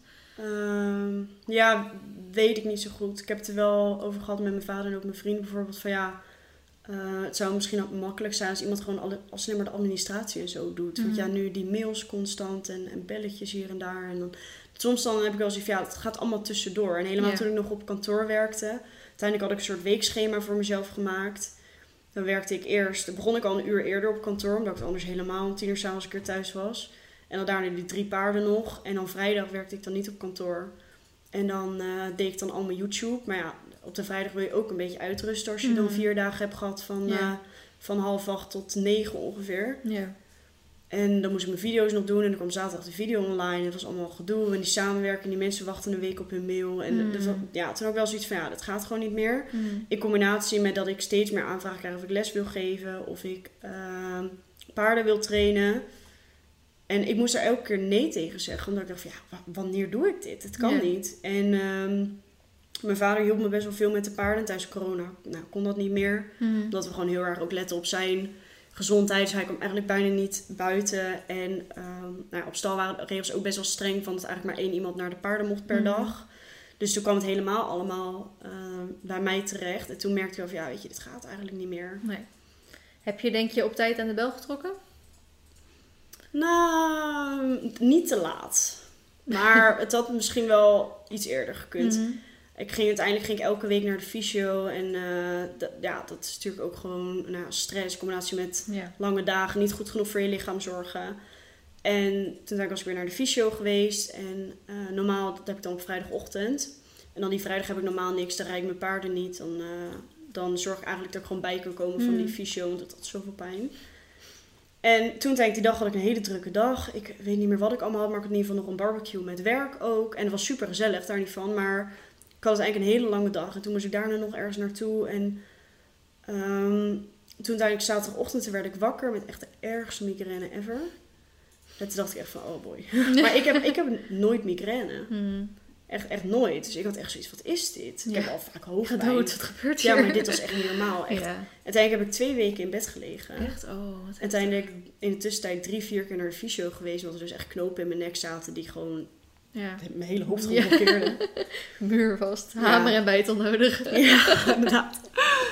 Ja, echt naar twee verschillende fysio's geweest onder drie dagen. Ja, dat was echt drama. Ja. En nou, toen had ik wel zoiets van... Nou, het is niet zozeer dat ik toen dacht ik moet wat veranderen. Maar het is meer dat ik voor het eerst gewoon tijd had om over dingen na te denken. Maar was het bij jou dus dat jouw lichaam aangaf, joh, even niet? Want heel veel mensen gaan het mentaal natuurlijk dat het niet meer gaat en die komen in een burn-out of iets. Nee, bij mij was het echt wel mijn lichaam. Ja. Ik had zoveel pijn uiteindelijk in mijn nek en in mijn rug. En nou dat, uiteindelijk werd dat dus migraine. Mhm. En toen had ik twee weken had ik, eh, nou ja, de tijd. Nou, ik lag letterlijk alleen maar in bed. Ik kon niet eens naar de paarden. Ik had mijn paarden had ik, eh, uitbesteed. En eh, mijn vader, dat was gelukkig na corona, dus mijn vader kon weer veel doen. En ehm, nou ja, toen had ik voor het eerst eigenlijk tijd om erover na te denken. En toen had ik wel zoiets van, ja, wil ik dit eigenlijk nog wel? En ehm, niks negatiefs over mijn vorige werkgever, totaal niet. Maar ik merkte gewoon dat ik minder energie kreeg van dat werk. Mhm. En het kostte toch nou, een heel blok in mijn week. Ja. En ehm, ik hou gewoon heel erg van flexibiliteit. Ik ben zelf redelijk flexibel, maar ik vind het dus ook fijn om gewoon zelf te kunnen bepalen wanneer ik wat doe. Ja. En dat kon ook niet. Ze waren heel flexibel bij, me, bij mijn vorige baas. Echt niet normaal. Maar ja, je, ze gaan er wel vanuit dat ik gewoon mijn werk doe. En Ja. het liefst ook nog wel enigszins in een schema. Want anders weten ze ook niet wanneer Nee. ik er wel en niet Mhm. ben. En toen dacht ik wel van ja, het zou gewoon heel fijn zijn als ik gewoon echt zelf kan beslissen Ja. wanneer ik wat doe. Het is echt fantastisch flexibel werken. Ja, Het is echt het beste Ja. ever. Ik, ik zou nooit van mijn leven meer terug kunnen gaan naar vaste dagen in dienst. nee, je, maar is, eh, dat ook. zeg ik nu, dat weet ik natuurlijk later niet. Maar toen ik, wanneer was het twee jaar geleden of zo, toen dacht ik dat ik tijd over had. En toen heb ik echt twee dagen in de week een baan erbij genomen. En dan ging ik bijvoorbeeld, ja, ik dacht, een hele, slechte, ja, hele slechte beslissing was dat. En ehm, ik tijd over, ik weet niet hoe ik erbij kwam. En toen ging ik echt iets simpels, zoals met mijn stal-eigenaresse, dat is ook mijn instructrice, even een les inplannen. Maar zij is altijd, doet ze eigenlijk de privéles op dinsdag. En af en toe, hè, dan, als je echt een dinsdag niet kan, dan schuif naar woensdag. Of Ja. hè. En ik werkte altijd precies op dinsdag en woensdag. En echt zoiets simpels als een les inplannen. dacht ik, ja, dat kan niet, ik moet werken. Ja. Zij zegt zo, werken? ja, je, je doet toch YouTube en zo? Ik zei, ja. eh. Dus eh, toen was ik ook weer heel snel gestopt. Ja. Ik had echt twee maanden gewerkt, toen was ik weer weg. Oh, mooi. Ja. Ik had wel een goede reden om te stoppen hoor. Want ik had, een, ik had oprecht een, een, een prestatierol voor tv aangeboden gekregen. Nou, daar is echt geen zak van terechtgekomen. Oh. Maar ze zei, ja, heel jammer. Maar ze zeiden, ja, we gaan eh, eind eh, zomervakantie daarmee beginnen, bla bla bla. Dus ik dacht, nou, dan moet ik tijd hebben, Ja. weet je wel. Dus ik had ook echt aangegeven, nou, ik ga volgende maand beginnen met de tv-rol en eh, weet ik het wat. En ik zou ook toen best wel veel in één keer op vakantie gaan. Dus toen dacht ik, nou, even overdrijven. Ik begin in mei al, weet je wel. Ja, precies. Ja. En ehm, dat is toen helemaal niet meer doorgegaan, dus dat was jammer. Maar ehm, eh, ja, toen kon ik dan gelukkig wel een soort van afwimpelen. Ja. Maar ja, ik dacht echt van, wat ben ik aan het doen? Al heb ik hiervoor gekozen. Maar goed, ehm, nou ja, toen heb je de beslissing genomen om eh, voor jezelf te gaan. Maar Ja. dat kon niet op de stal waar je stond. Ja. En toen? Hoe, hoe ben je bij de stal gekomen waar je nu staat? Ehm, nou, ik ben eigenlijk al best wel een tijdje niet per echt fanatiek op zoek geweest, maar wel dat ik gewoon mijn ogen open hield en af en toe even online keek en zo. En toen uiteindelijk had ik dan echt mijn baan opgezegd. En eh, ik had officieel ik een maand opzegtermijn, maar Mhm. omdat ik ook een beetje lichamelijke issues had, eh, was ik met mijn baas overeengekomen om gewoon mijn overdracht te schrijven. En daarna was ik klaar. Dus dat was sowieso veel sneller dan verwacht. Ehm, en toen dacht ik van, nou ja, laat ik maar eens gewoon een beetje om me heen kijken. En toen was ik eigenlijk nog aan het denken van, ja, wil ik nu al echt iets voor mezelf of niet? Want ik trainde ook bij de eigenaresse van mijn vorige stal en ik leerde echt heel veel van haar. Ehm, en dat is natuurlijk ook wat waard. En het was gewoon op onze stal zelf. Dus het was gewoon alleen maar even een bericht sturen van eh, wanneer kan ik rijden. En dan eh, kon het altijd. Je hoefde Ja. niet met de trailer weg of zo. Mhm. Eh, maar toen uiteindelijk, ja, omdat je ook zelf in je hoofd weet dat je meer tijd gaat krijgen voor trainingspaarden en voor lessen. En weet ik dat allemaal. Ehm, als dan mensen mij een berichtje stuurden van, goh, eh, zou je mijn paard kunnen trainen? Dan ging ik er iets meer op in. Ja. En dan ging ik gewoon kijken eh, waar het op uitkwam, wat die mensen willen. Gewoon ook een soort marktonderzoek zonder dat je echt er heel bewust mee bezig bent. Maar gewoon als ik een berichtje kreeg, ging ik erop in in plaats van dat ik direct zei van, nee, kan niet. Ja. Ehm, nou, toen uiteindelijk werd dat nou, steeds groter en kwam het steeds vaker voor. En toen had ik wel zoiets van, ja, ik moet eigenlijk gewoon echt wel iets gaan zoeken nu. Nou, en toen keek ik online en toen zag ik eigenlijk drie complexen, vergelijkbaar met waar ik dan nu uiteindelijk ben uitgekomen. Mhm. Allemaal wel een beetje in deze omgeving. Mhm. Ehm, eentje in Tilburg, eentje in Meel, ook bij Nijmegen in de buurt. Mhm. Eh, oh, ook nog eentje in Utrecht, maar die mensen hebben nooit gereageerd op mijn berichtje. Ah, Sad. Was echt een leuk complex, maar ja, maakt niet uit. Alles gebeurt met een reden. Dan niet. Ja. En dan, eh, nou ja, deze stal in Leur. En eh, uiteindelijk ook die man van het andere complex in Mail opgebeld. En dat waren in totaal tien stallen Maar hij had er al vijf van verhuurd. En Mhm. vijf is in principe voor mij eventjes genoeg. Maar Mhm. ik wilde wel uitbreidingsmogelijkheden hebben. Ja. En ehm, die stallen waren verhuurd aan drie verschillende mensen. Dus het was een redelijk klein complex. Het was groot genoeg geweest voor mij alleen. Maar om dat al met z'n vieren te delen, had ik zoiets van... Nou, ik weet niet of dat het is. Mhm. Plus dat mail nog verder is dan waar ik nu sta. Dus Ja. dat was ook wel een nadeeltje. Ehm, die andere stal, daar was ik ook mee in overleg. En die heeft uiteindelijk helemaal de huur teruggetrokken. En ik dacht, van, hm, oké. Nou, Utrecht reageerde dus niet. Dus er En bleef er toen- nog één over. Ja, toen bleef alleen deze over. En toen ben ik daar bezig kijken. En mijn vriend was meegegaan. En hij zei wel van, Deem, ondanks dat de enige optie is, moet je echt objectief blijven. Ja, ja, echt kijken of dat is. Nou, ben ik dat eigenlijk wel. Maar echt iedereen om mij me geven als, Deem, je moet ook kritisch zijn. Dus nou, ik daar naartoe met een heel kritische blik. maar ik had die man al aan de telefoon, die eigenaar. En hij was zo aardig aan de telefoon dat ik echt dacht van, nou, dit is het. en vervolgens zei ik van, nou ja, ik eh, wil ook YouTube-video's maken. Is dat goed? Of eh, vinden jullie dat eh, lastig? En zei hij, oh, hartstikke leuk. Mijn zoon is ook vlogger. ik dacht, wat krijgen we nou? Ja. Dit is het. Ja. Dus toen vervolgens ben ik er wezen kijken. Nou, mijn vriend is mee. En ehm, het was eigenlijk gewoon op de eerste blik was al gewoon goed. En ik had eigenlijk niks op aan te merken. Uiteindelijk ben ik er twee uur geweest. Ook heel lang met de eigenaar gepraat over Mm. alles wat ik wil. En de mogelijkheden. En eigenlijk alles wat ik wil is daar mogelijk. En toen hadden we nog één soort van ehm, drempel, om zo even te noemen, is niet helemaal het goede woord. Maar dat is dat er één huurder is, die heeft meer dan 25 paarden daar. En hij is ook springruiter. Mhm. Dus de eigenaar van de stal is er wel van, goh, ga een keer met hem eventjes een middagje meelopen. Want het is wel gewoon belangrijk dat je het met hem kan vinden. Want anders, als je alle twee hetzelfde doet op hetzelfde complex en het klikt Ja. helemaal niet, is gewoon lastig. Mhm. Ehm, dus nou, hij zei wel wel van ja, met, eh, met deze persoon krijg je echt nooit ruzie. Niemand heeft ooit ruzie met hem, maar goh, voor de zekerheid, Ja, ja. loop even een middagje mee. Ja. Dus nou, ik een middagje meegelopen en echt een hele aardige man. En eh, kan ook echt goed rijden. Dus ik vind het nu, nu ik ook twee weken sta, vind ik het ook gewoon fijn dat hij in de buurt is. Je kan toch een beetje kijken en eh, dingen van leren en zo. Mhm. Nou ja, en toen dat dus eigenlijk goed was, had ik gewoon besloten om ervoor te gaan. Ja. En toen ben ik ook eigenlijk, na, na drie, vier dagen ben ik verhuisd. Van ja, als ik toch ga beginnen, doe ik maar gelijk. Maar had je je stalling thuis dan eh, al opgezegd? Of, eh, Nee, dat zei ik ook eh, drie dagen daarvoor. Ja, ik ga met die dag weg. Joehoe. Ja. Maar dan, je hebt nu twee paarden die kant mee opgenomen. Ehm, je hebt een video gemaakt over eh, wat je allemaal gaat doen. Op Instagram Ja. gezet, op YouTube gezet. Nou, overspoeld met reacties. Gewoon leuke Ja. reacties van ah, tof dat je dit gaat doen, bla bla. Ja, heel, heel, heel. Maar ook eh, met potentiële klanten, denk ik. Ja, dat, dat je daar ehm, echt veel eh, aanvraag krijgt. Staan je stallen al vol? Of, nou, ik moet wel zeggen, ik heb sowieso maar beperkt plek. Mhm. Want ik wilde eigenlijk nou, niet meer dan zes. En ik ben op dit moment ook nog zelf aan het kijken voor een driejarige eventueel te kopen. Het is nog helemaal niet concreet, maar ehm, ik zal hem voorbij komen. En het zou wel eentje voor mij kunnen zijn.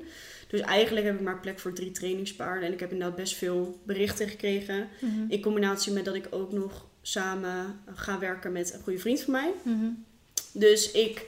ehm, Even tussendoor, die goede vriend, we zullen zijn naam niet Ja. noemen, is degene die Olympus heeft verhuisd van, eh, van Engeland naar Nederland. Dus Ja. zo hebben we weer een connectie.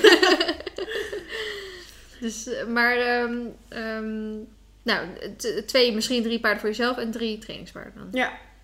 En ehm, nou ja, staan ze al vol? Op dit moment nog niet. Maar Mhm. ik ben dus wel bezig met eh, veel potentiële klanten, ja. Maar hoe, even hè, hoe werkt dat zeg maar? Want toen Olympus voor anderhalf jaar weg zou gaan, toen had ik ook echt een soort oproepje gedaan van, nou jongens, ik heb een stal over, als iemand zijn paard kwijt wil, kom maar door. Ik vond dat best wel spannend, want dan dacht ik, ja, ik ga dan dat paard rijden straks. Nou, straks gebeurt er iets, Mhm. breekt hij een been, weet ik het wat. ja. Hoe doe je dat? Ja, ik weet niet of je, daar verzeker je je misschien voor, maak je afspraken over of... Ja, dat was voor mij ook wel echt een afweging. En ehm, uiteindelijk, ik kan nu nog niet concreet vandaag vertellen welke van de twee het is geworden, omdat ik eigenlijk met beide nog bezig ben.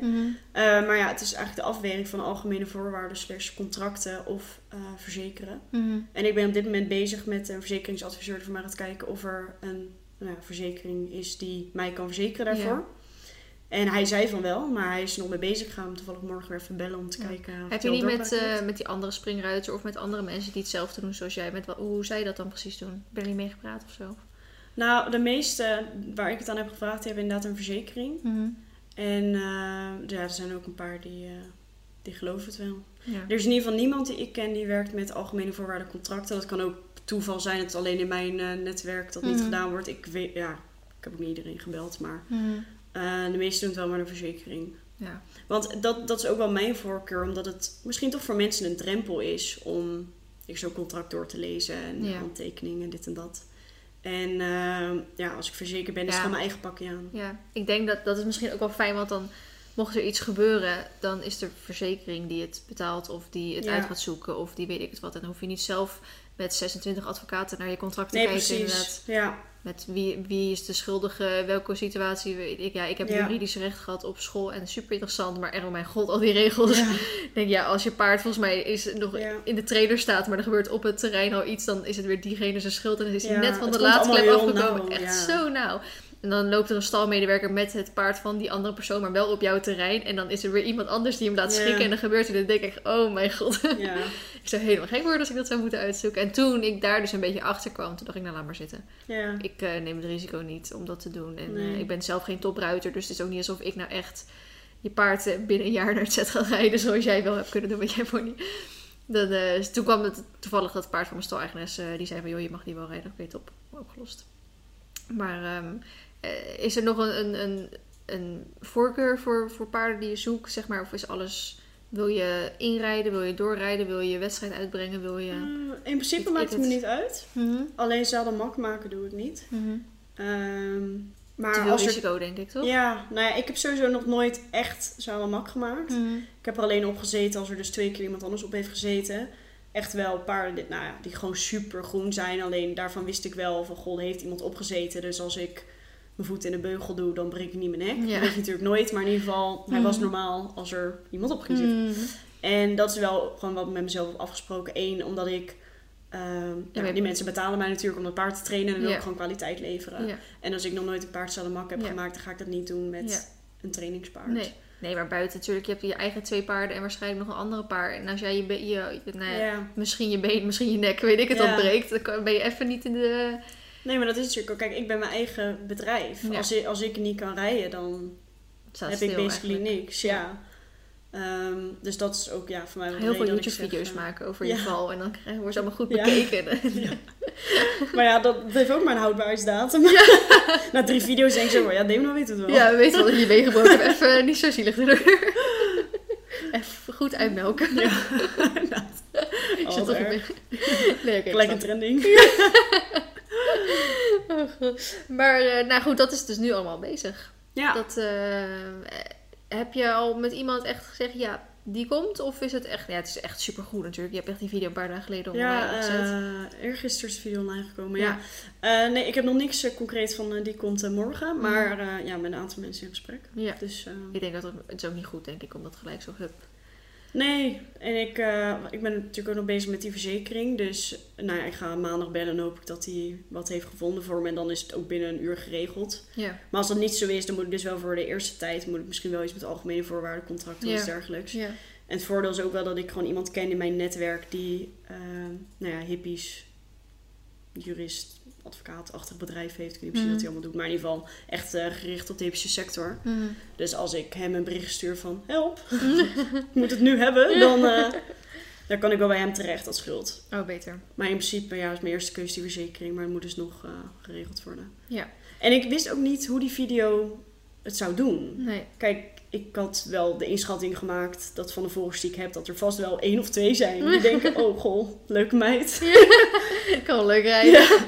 Maar ja, je weet het nooit. Ik durf er geen voorschotjes op te nemen. Nee. Dan scheelt het dat je misschien maar drie paarden zoekt en geen dertig. Ja, daarom, ja, en, ja, dat is inderdaad ook mijn, mijn voordeel, weet je. Ik hoef die stal niet vol te hebben nu. En misschien inderdaad ook toch een stukje even uitproberen. Ja, Misschien denken sommige mensen over, oh leuk, ga ik onthouden.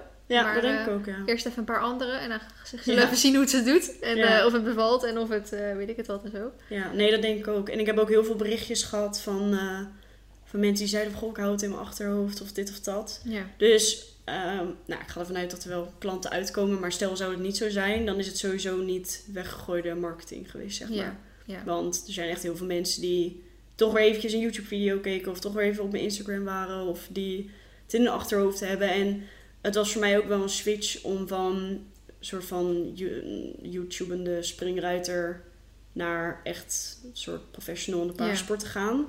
Dus je moet jezelf natuurlijk ook heel anders profileren nu. Ja. En dat is ook, ja, dat gaat stapsgewijs. Ja. En wat is een soort van je, je ja, ik weet niet in hoeverre je daar natuurlijk al, uh, aangezien je echt net begonnen bent, maar is, heb je al een soort vijfjaren plan of? In mijn hoofd wel, maar... Een 60 jaren plan ook goed.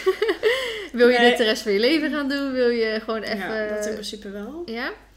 Ja, ik, heb, eh, ik moet mijn vijfjarenplan nog schrijven. Ik was ermee begonnen, maar toen was het allemaal al... Nou, je kan hem ook in je hoofd hebben zitten. Ja, daarom.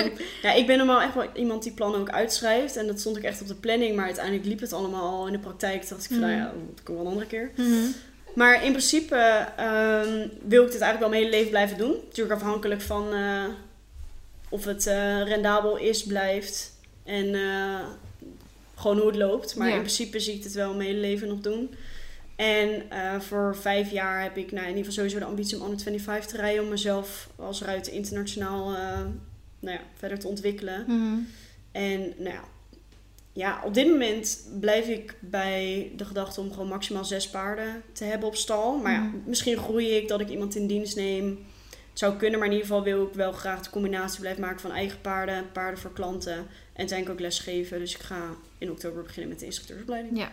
Maar wil je dan niet, is het niet voordelig om op een gegeven moment je eigen plekje te hebben? Echt Ja, eigen, eigen locatie om dat allemaal te kunnen faciliteren en doen en alles? ja, dat sowieso. Ja, dat zit ook nog in mijn plan.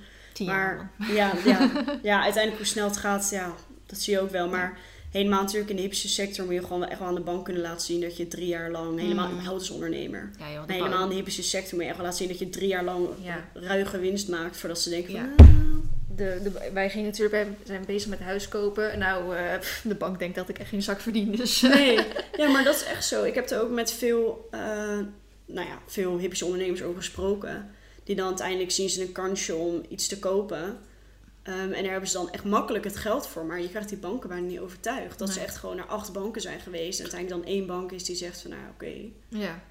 En die nu gewoon een super succesvol bedrijf hebben. Het is ook niet dat die mensen na twee jaar failliet waren of zo, Nee. weet je wel. Het zijn echt gewoon hele succesvolle springstallen. Dan in mijn, in mijn netwerk Mhm. altijd springstallen. Maar Mhm. die gewoon echt een heel mooi bedrijf hebben opgezet. Maar ja, je moet wel inderdaad even die bank overtuigen. ja. En, eh, doen. ja, en uiteindelijk, ik ben wel zo zeker over mijn relatie op dit moment dat ik vanuit ga dat ik binnen een x aantal jaar een huis ga kopen samen met mijn vriend. En die vindt het ook leuk om dan eh, paardjes aan huis en zo. Ja, hij is gelukkig echt heel enthousiast. Fijn. Hij, hij- hij Anders vindt eh, ging het niet werken, denk ik. Nee, nee, maar dat is inderdaad ook met mij. Ook in de tijd dat ik aan het daten was, of in ieder geval niet een vaste relatie had.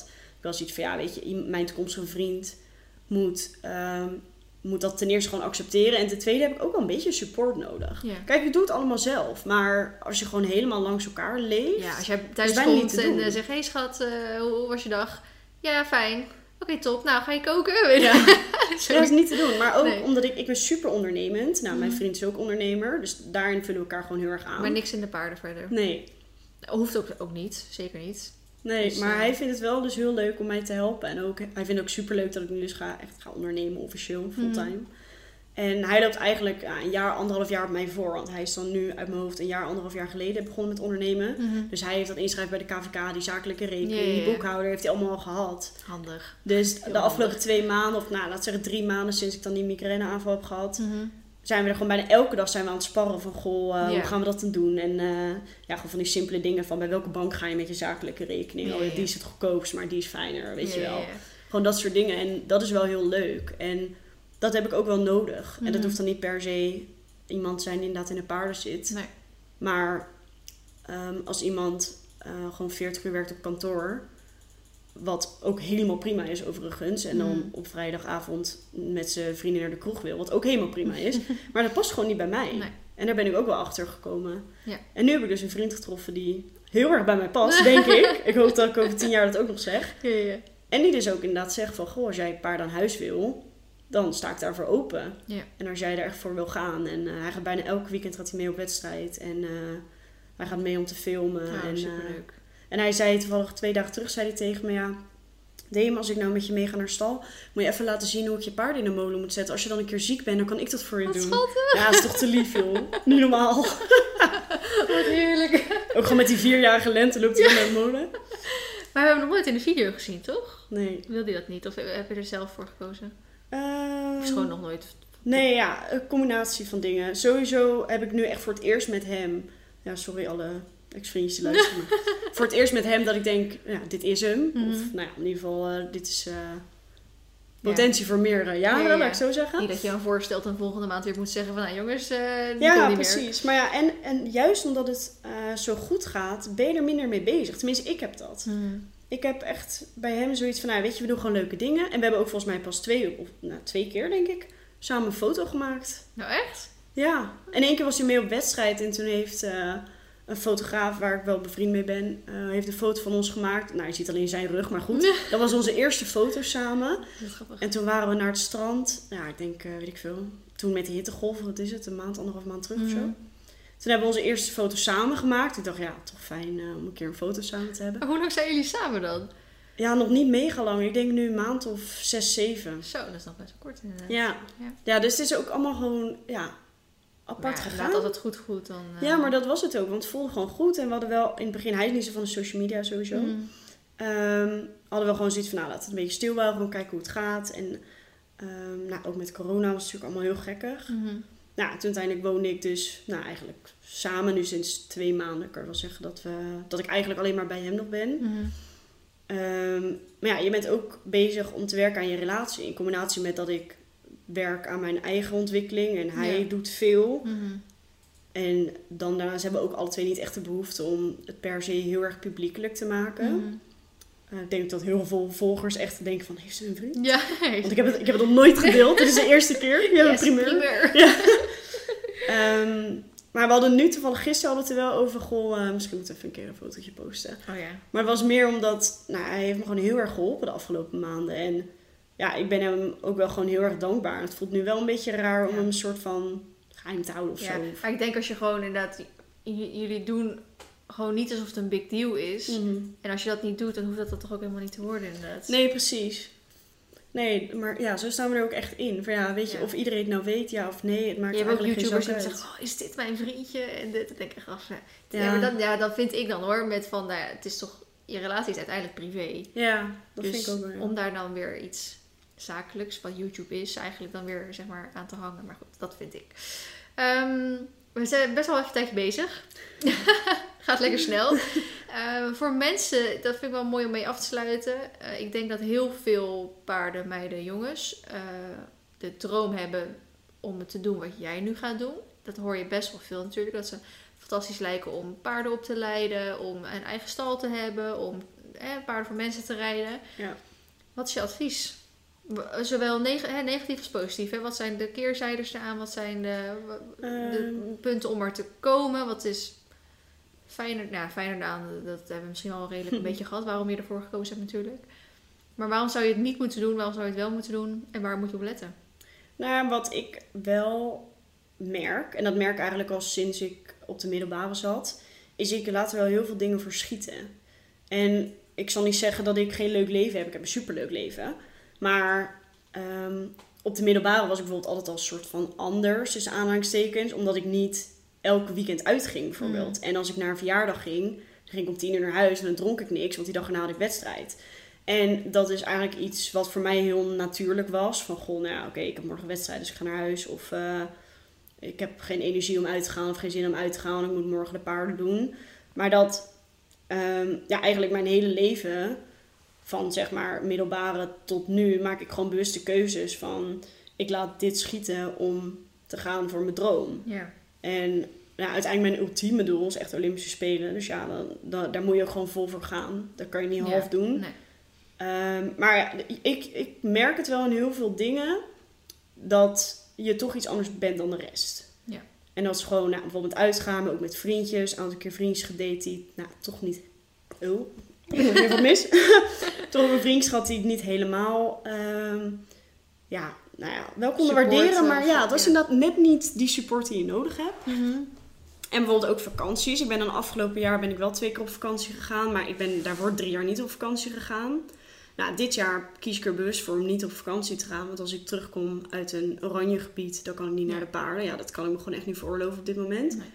Dus je moet er gewoon echt vol voor gaan. En ik denk ook, je, je kan het niet half doen. De paarden kan je sowieso niet half doen. Nee. Als je een eigen paard hebt, moet je er zeven dagen per week zijn. Ja. En dat is denk ik ook de enige mogelijkheid om echt succesvol te worden. Dat ook als je je niet zo lekker voelt, of ook als je moe bent, of Mhm. als je wel een keer hebt gedronken, je wel een kater, Ja. dat je wel op je paard gaat zitten en gewoon echt, of in ieder geval traint. Mhm. Ehm, dus beslis gewoon voor jezelf of je dat het waard vindt. Ja. Want het is denk ik ook zonde als je denkt van nou, ik wil het wel, maar ik weet niet zeker. Mhm. Dat je er al die tijd in steekt om vervolgens na een paar jaar te beslissen van goh, nee, Ja. dat is het toch niet. Dan ga dan lekker voor je studententijd en eh, Ja. kies iets anders. Ja. En hoe is het voor jou om ehm, je, je paarden in eigen beheer, zeg maar, nu te hebben? Valt dat heel erg mee? Of, Eh, valt sowieso mee en ik vind het heel fijn. Ik ben een verschrikkelijke perfectionist. Ja. En eh, op mijn vorige stal ehm verzorgden ze de paarden super, kan ik niks over zeggen. Mhm. En zij hebben ook hun routines, dus het is ook logisch dat het op een bepaalde manier gaat. Mhm. Maar ik vind het gewoon heel fijn dat ik het nu echt 100% op mijn manier kan doen. En dat zijn gewoon hele praktische dingen. Ik vind het gewoon heel fijn als ze veel stro hebben. Want als ze bijvoorbeeld gaan liggen en ze liggen net op de stenen, ze hebben weer een wondje, en dan heb ik weer een dik been die dag erna en dan kan ik Mhm. niet op concours.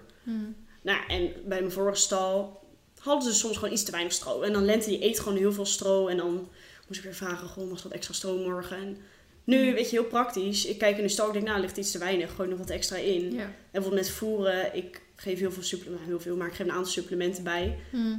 En dat moest ik dan apart geven met slobber. En nu, dan voer ik ze drie keer per dag zelf. En dan denk ik gewoon van, nou, dan geef ik dan en dan een supplement, altijd om dezelfde tijd. Mhm. En dat vind ik gewoon heel fijn. En nou, ja, het- ik vind meevallen. Voor mijn gevoel kost het geen extra tijd. Nou, ik vind dat, dus, ik ga best wel vaak met de paarden op vakantie en dan heb je ze ook natuurlijk een soort in eigen beheer. Ehm, ik had het vandaag nog met iemand erover die, eh, omdat we eh, natuurlijk willen gaan verhuizen, paarden aan huis en zo. En dat hij dus zei van, eh, oh, gaat dat door? Ik zei, ja, gaat door. Dus we hopen, we gaan volgende week een bot doen, dus we hopen dat het er doorgaat. En dat ze toen zei iets van, oh, er zijn wel weer extra, extra lasten of zo, hè. Ja, En die benoemde het zeg maar om zeg maar, de paarden in eigen beheer te hebben. Maar ik zie dat alles behalve als lasten. ja dat heb ik ook. Ik doe van, kijk, bijvoorbeeld, wij doen sowieso al de stallen zelf uitmesten. Hè. Op sommige stallen Ja. wordt dat voor je gedaan. Ik ben gewend mijn stallen zelf uitmesten. Mijn paarden hebben een hooinet. En als je normaal gesproken voeren ze voor het stal gewoon hooi. Maar als je een hooinet hebt hangen, dan doe je het dus zelf. Want ze Ja. gaan niet je hooinet voor je vullen. Dus ik deed elke dag al mijn hooinet vullen. Eh, ik, eh, omdat wij, hè, ja, wij worden er allebei door Cavalor gesponsord. Dus ik, word, eh, ik heb voer van Cavalor. Dus ik heb eigen voer, wat ik Ja. zelf geef en zelf klaarzet. En terwijl de rest van de paarden allemaal op het voer ja, van dan stal heb je gaan. dat praktisch al. Dus dan denk je, ik heb het praktisch eigenlijk al in Ja. eigen beheer. Dus, eh, en ik heb nu nou, 20, 15 à 20 minuutjes reistijd, wat niet veel is. Maar op zich, dat is gewoon 40 minuten per dag. Ja. Die ik straks overhoud voor de klusjes die er voor Ja. de rest van bij komen. Dus ik, ik, ik vind dat best wel een soort van, ja, niet irritant of zo. Maar als mensen dan zeggen, oh, paard aan huis, dat is veel meer werk. En dat, eh, echt een beetje zo'n Ja. negatieve van, oh ja, Ja. ik weet niet of dat dan een soort jaloezie is of zo, weet je. Van, oh, ze Ja, paarden aan huis, dat is natuurlijk best wel voor veel mensen een droom dan. Of het dan meer vanuit jaloezie is van, oh, wel veel werk, weet je wel zeker dat je dat wil. Of dat mensen echt denken, oh, eh, veel werk, ik, dat moet je toch niet willen. Terwijl ik denk, ja, eh, Ja, ik denk, het verschil denk ik ook gewoon hoe je, hoe je de sport ziet. Is voor jou gewoon echt een hobby. En kom je naar je werk een uurtje rijden, even heel zwart-wit. Ja, dan is het lekker als het voor je wordt gedaan. Maar ik, ja, als ik nu echt mijn bedrijf van maak, dan vind ik het eigenlijk niet meer dan normaal dan dat ik dat zelf doe. En dat ik ook zelf kan bepalen hoeveel hooi een paard krijgt. Want de een is nou eenmaal groot, heeft nou eenmaal meer eten nodig dan een ander. Nou, bijvoorbeeld Lente, die vier en groot, die zit volop in de groei, die is aan het ontwikkelen. Ja, die moet gewoon wat extra hebben, want anders Mm. wordt ze gewoon te schraal. ja. En ja, helemaal als je uiteindelijk topsport wil, vind ik het soort van niet meer dan normaal. Dat je die paarden gewoon monitort drie keer per dag. Hoe staan ze erbij? Wat moeten ze hebben? Wat hebben ze nodig? Mhm. En dat vind ik heel fijn. Ja. Helemaal dat ik gewoon echt een vreselijke perfectionist ben. ja, nou, her- herkenbaar, herkenbaar. Maar ik denk dat we dat best wel vaak ehm, eh, vergeten. Ik heb toen een keer met Alice naar Loosman meegelopen. En die zei ook, wat zit in de details? Die zei dat Ja. zo'n zeven keer op een dag hoor. Het zit in de details. En het is inderdaad ehm, een topsporter die let op alles. Op zijn slaap, op zijn ritme, op zijn wanneer Ja. sport hij, wat eet hij, wat drinkt hij, supplementen, dit, dit, dit, dat. En zeker jouw paarden, nou, lente dan nog niet, maar jouw paarden lopen op hoog niveau. Nou, paard dan nu nog. Dat is gewoon ehm, topsport, inderdaad. Dus dan, Ja. dan moet het eigenlijk ook wel om, het, ja, om je paard gezond en fit te Ja. houden op dat niveau. Dan moet je wel zo'n stalmanagement eromheen eh, Ja, bouwen eigenlijk. Ja en dat, dat merkte ik ook bij mijn vorige stal. Dat dat was eigenlijk niet echt mogelijk. Omdat natuurlijk al heel veel werd gedaan. Wat voor heel veel mensen heel fijn is. Mhm. Wat, ook- wat ik ook fijn vond toen ik nog op kantoor werkte. Maar nou, bijvoorbeeld wat ik zeg, gewoon heel praktische dingen als net iets te weinig stro. Als ze dan één keer verkeerd opstaan en ze halen zich open aan de bodem of weet ik het wat. Mhm. G-Line heeft super snel een heftige reactie op een wondje. Want het schijnt iets van vroeger te zijn, zei de veearts. Ik weet ook niet precies wat het is, maar ehm, als ze een wondje heeft, worden gewoon een soort ontstekingsstoffen heel snel getriggerd. Waardoor ze dus echt gewoon olifantenbeen heeft. Mhm. En dat stelt niks voor. Het kan echt van, als een mug er heeft geprikt, zo'n klein wondje kan ze dat van hebben. Mhm. Maar ik moet gewoon zorgen dat het paard gewoon nou ja, wondjesvrij blijft. En als Ja. ze dan een wondje heeft, dan moet ik dat op een supergoeie manier gewoon bijhouden. Elke dag ontsmetten. Het liefst s'nachts in de bandages. En nou, dat was bijvoorbeeld ook. Dan moest ik ze s'nachts in de bandages hebben. Maar dan in de ochtend was ik er niet, want ik zat op kantoor. En dan moest iemand anders het voor mij afdoen. Mhm. Maar ik weet niet of dat om 8 uur 's ochtends gebeurt. Of om 11 uur 's ochtends. Of Mhm. in de middag pas. Want ik ben er pas vanaf een uur of drie. Ja. En dan, nu vind ik het heel fijn. Dat is dan toevallig ook een wondje. En gelukkig was het deze keer niet eh, extreem dik geworden. Mhm. Maar dan weet ik gewoon, ik ben er in de avond, ga ik weg. In de ochtend kom ik terug. En dan kan ik gewoon alles doen wat nodig is. Ja. En nou ja, dat is dus bij G-Lime inderdaad ook nou ja, een detail. Het is iets groter dan een detail. Maar ja, weet je, als ik daar bij G-Lime niet op let, dan sta ik zomaar twee weken stil. Ja. Want als die benen zo dik zijn, dat dan ja, druk komt op die Ja. lymfe, dan doet het gewoon pijn. Ja, ja absoluut. Ja, ik, ik merk dat heel erg met... Ik eh, wil ze heel graag 24-7 buiten straks. Mijn paarden kunnen dat. Hoop ik. Nee, dan kunnen ze... Olympus heeft al een tijdje gestaan, maar ik vind dat ook helemaal prima. Wel met inloop en liefst een beetje paddock paradise-achtig. Nou, dat is gewoon een beetje hoe ik graag mijn paarden zou willen houden. Ehm, ik ga wel ook ervaringen wil ik opdoen bij mensen die ook paarden in de sport hebben lopen. Kijk, ik rijd natuurlijk niet zo hoog als jij, maar Mar rijdt wel straks zet dressuur. En die heeft wel echt een gigantisch druk leven, heeft dat paard. Eh, en Olympus, mocht hij gezond blijven, wil ik ook wel wat mee gaan doen. Dus ik ben wel, ik wil wel een beetje gaan peilen van oké, mensen die ook sport achter, eh, ja, een beetje tussen recreatie en sport paarden in hebben. Dus niet alleen maar eh, een paard om een beetje buitenrietjes mee te doen of wat dan ook. Ja. Van, nou, hoe, hoe doen jullie dat en zo? En eh, bijvoorbeeld vandaag kwam ik dan terug van de oefencross. En dan vind ik het fijn als hij daarna lekker een beetje in beweging kan blijven. Ja. Zodat hij niet eh, eh, stram wordt, dat hij niet zijn spieren dingen, dat, ze, dat hij ni- niet de volgende dag gelijk met dikke benen staat, weet ik het wat. En ik had hem dus op de wei gezet. Bij ons, is de, bij ons ze van 9 tot 4, 5 zeg maar buiten. En de regel is als je voor half 4 mag je hem niet meer terugzetten. Want ja, dan Oh ja. staat hij echt maar een half uurtje buiten en dan Ja. moeten zij hem weer binnenhalen.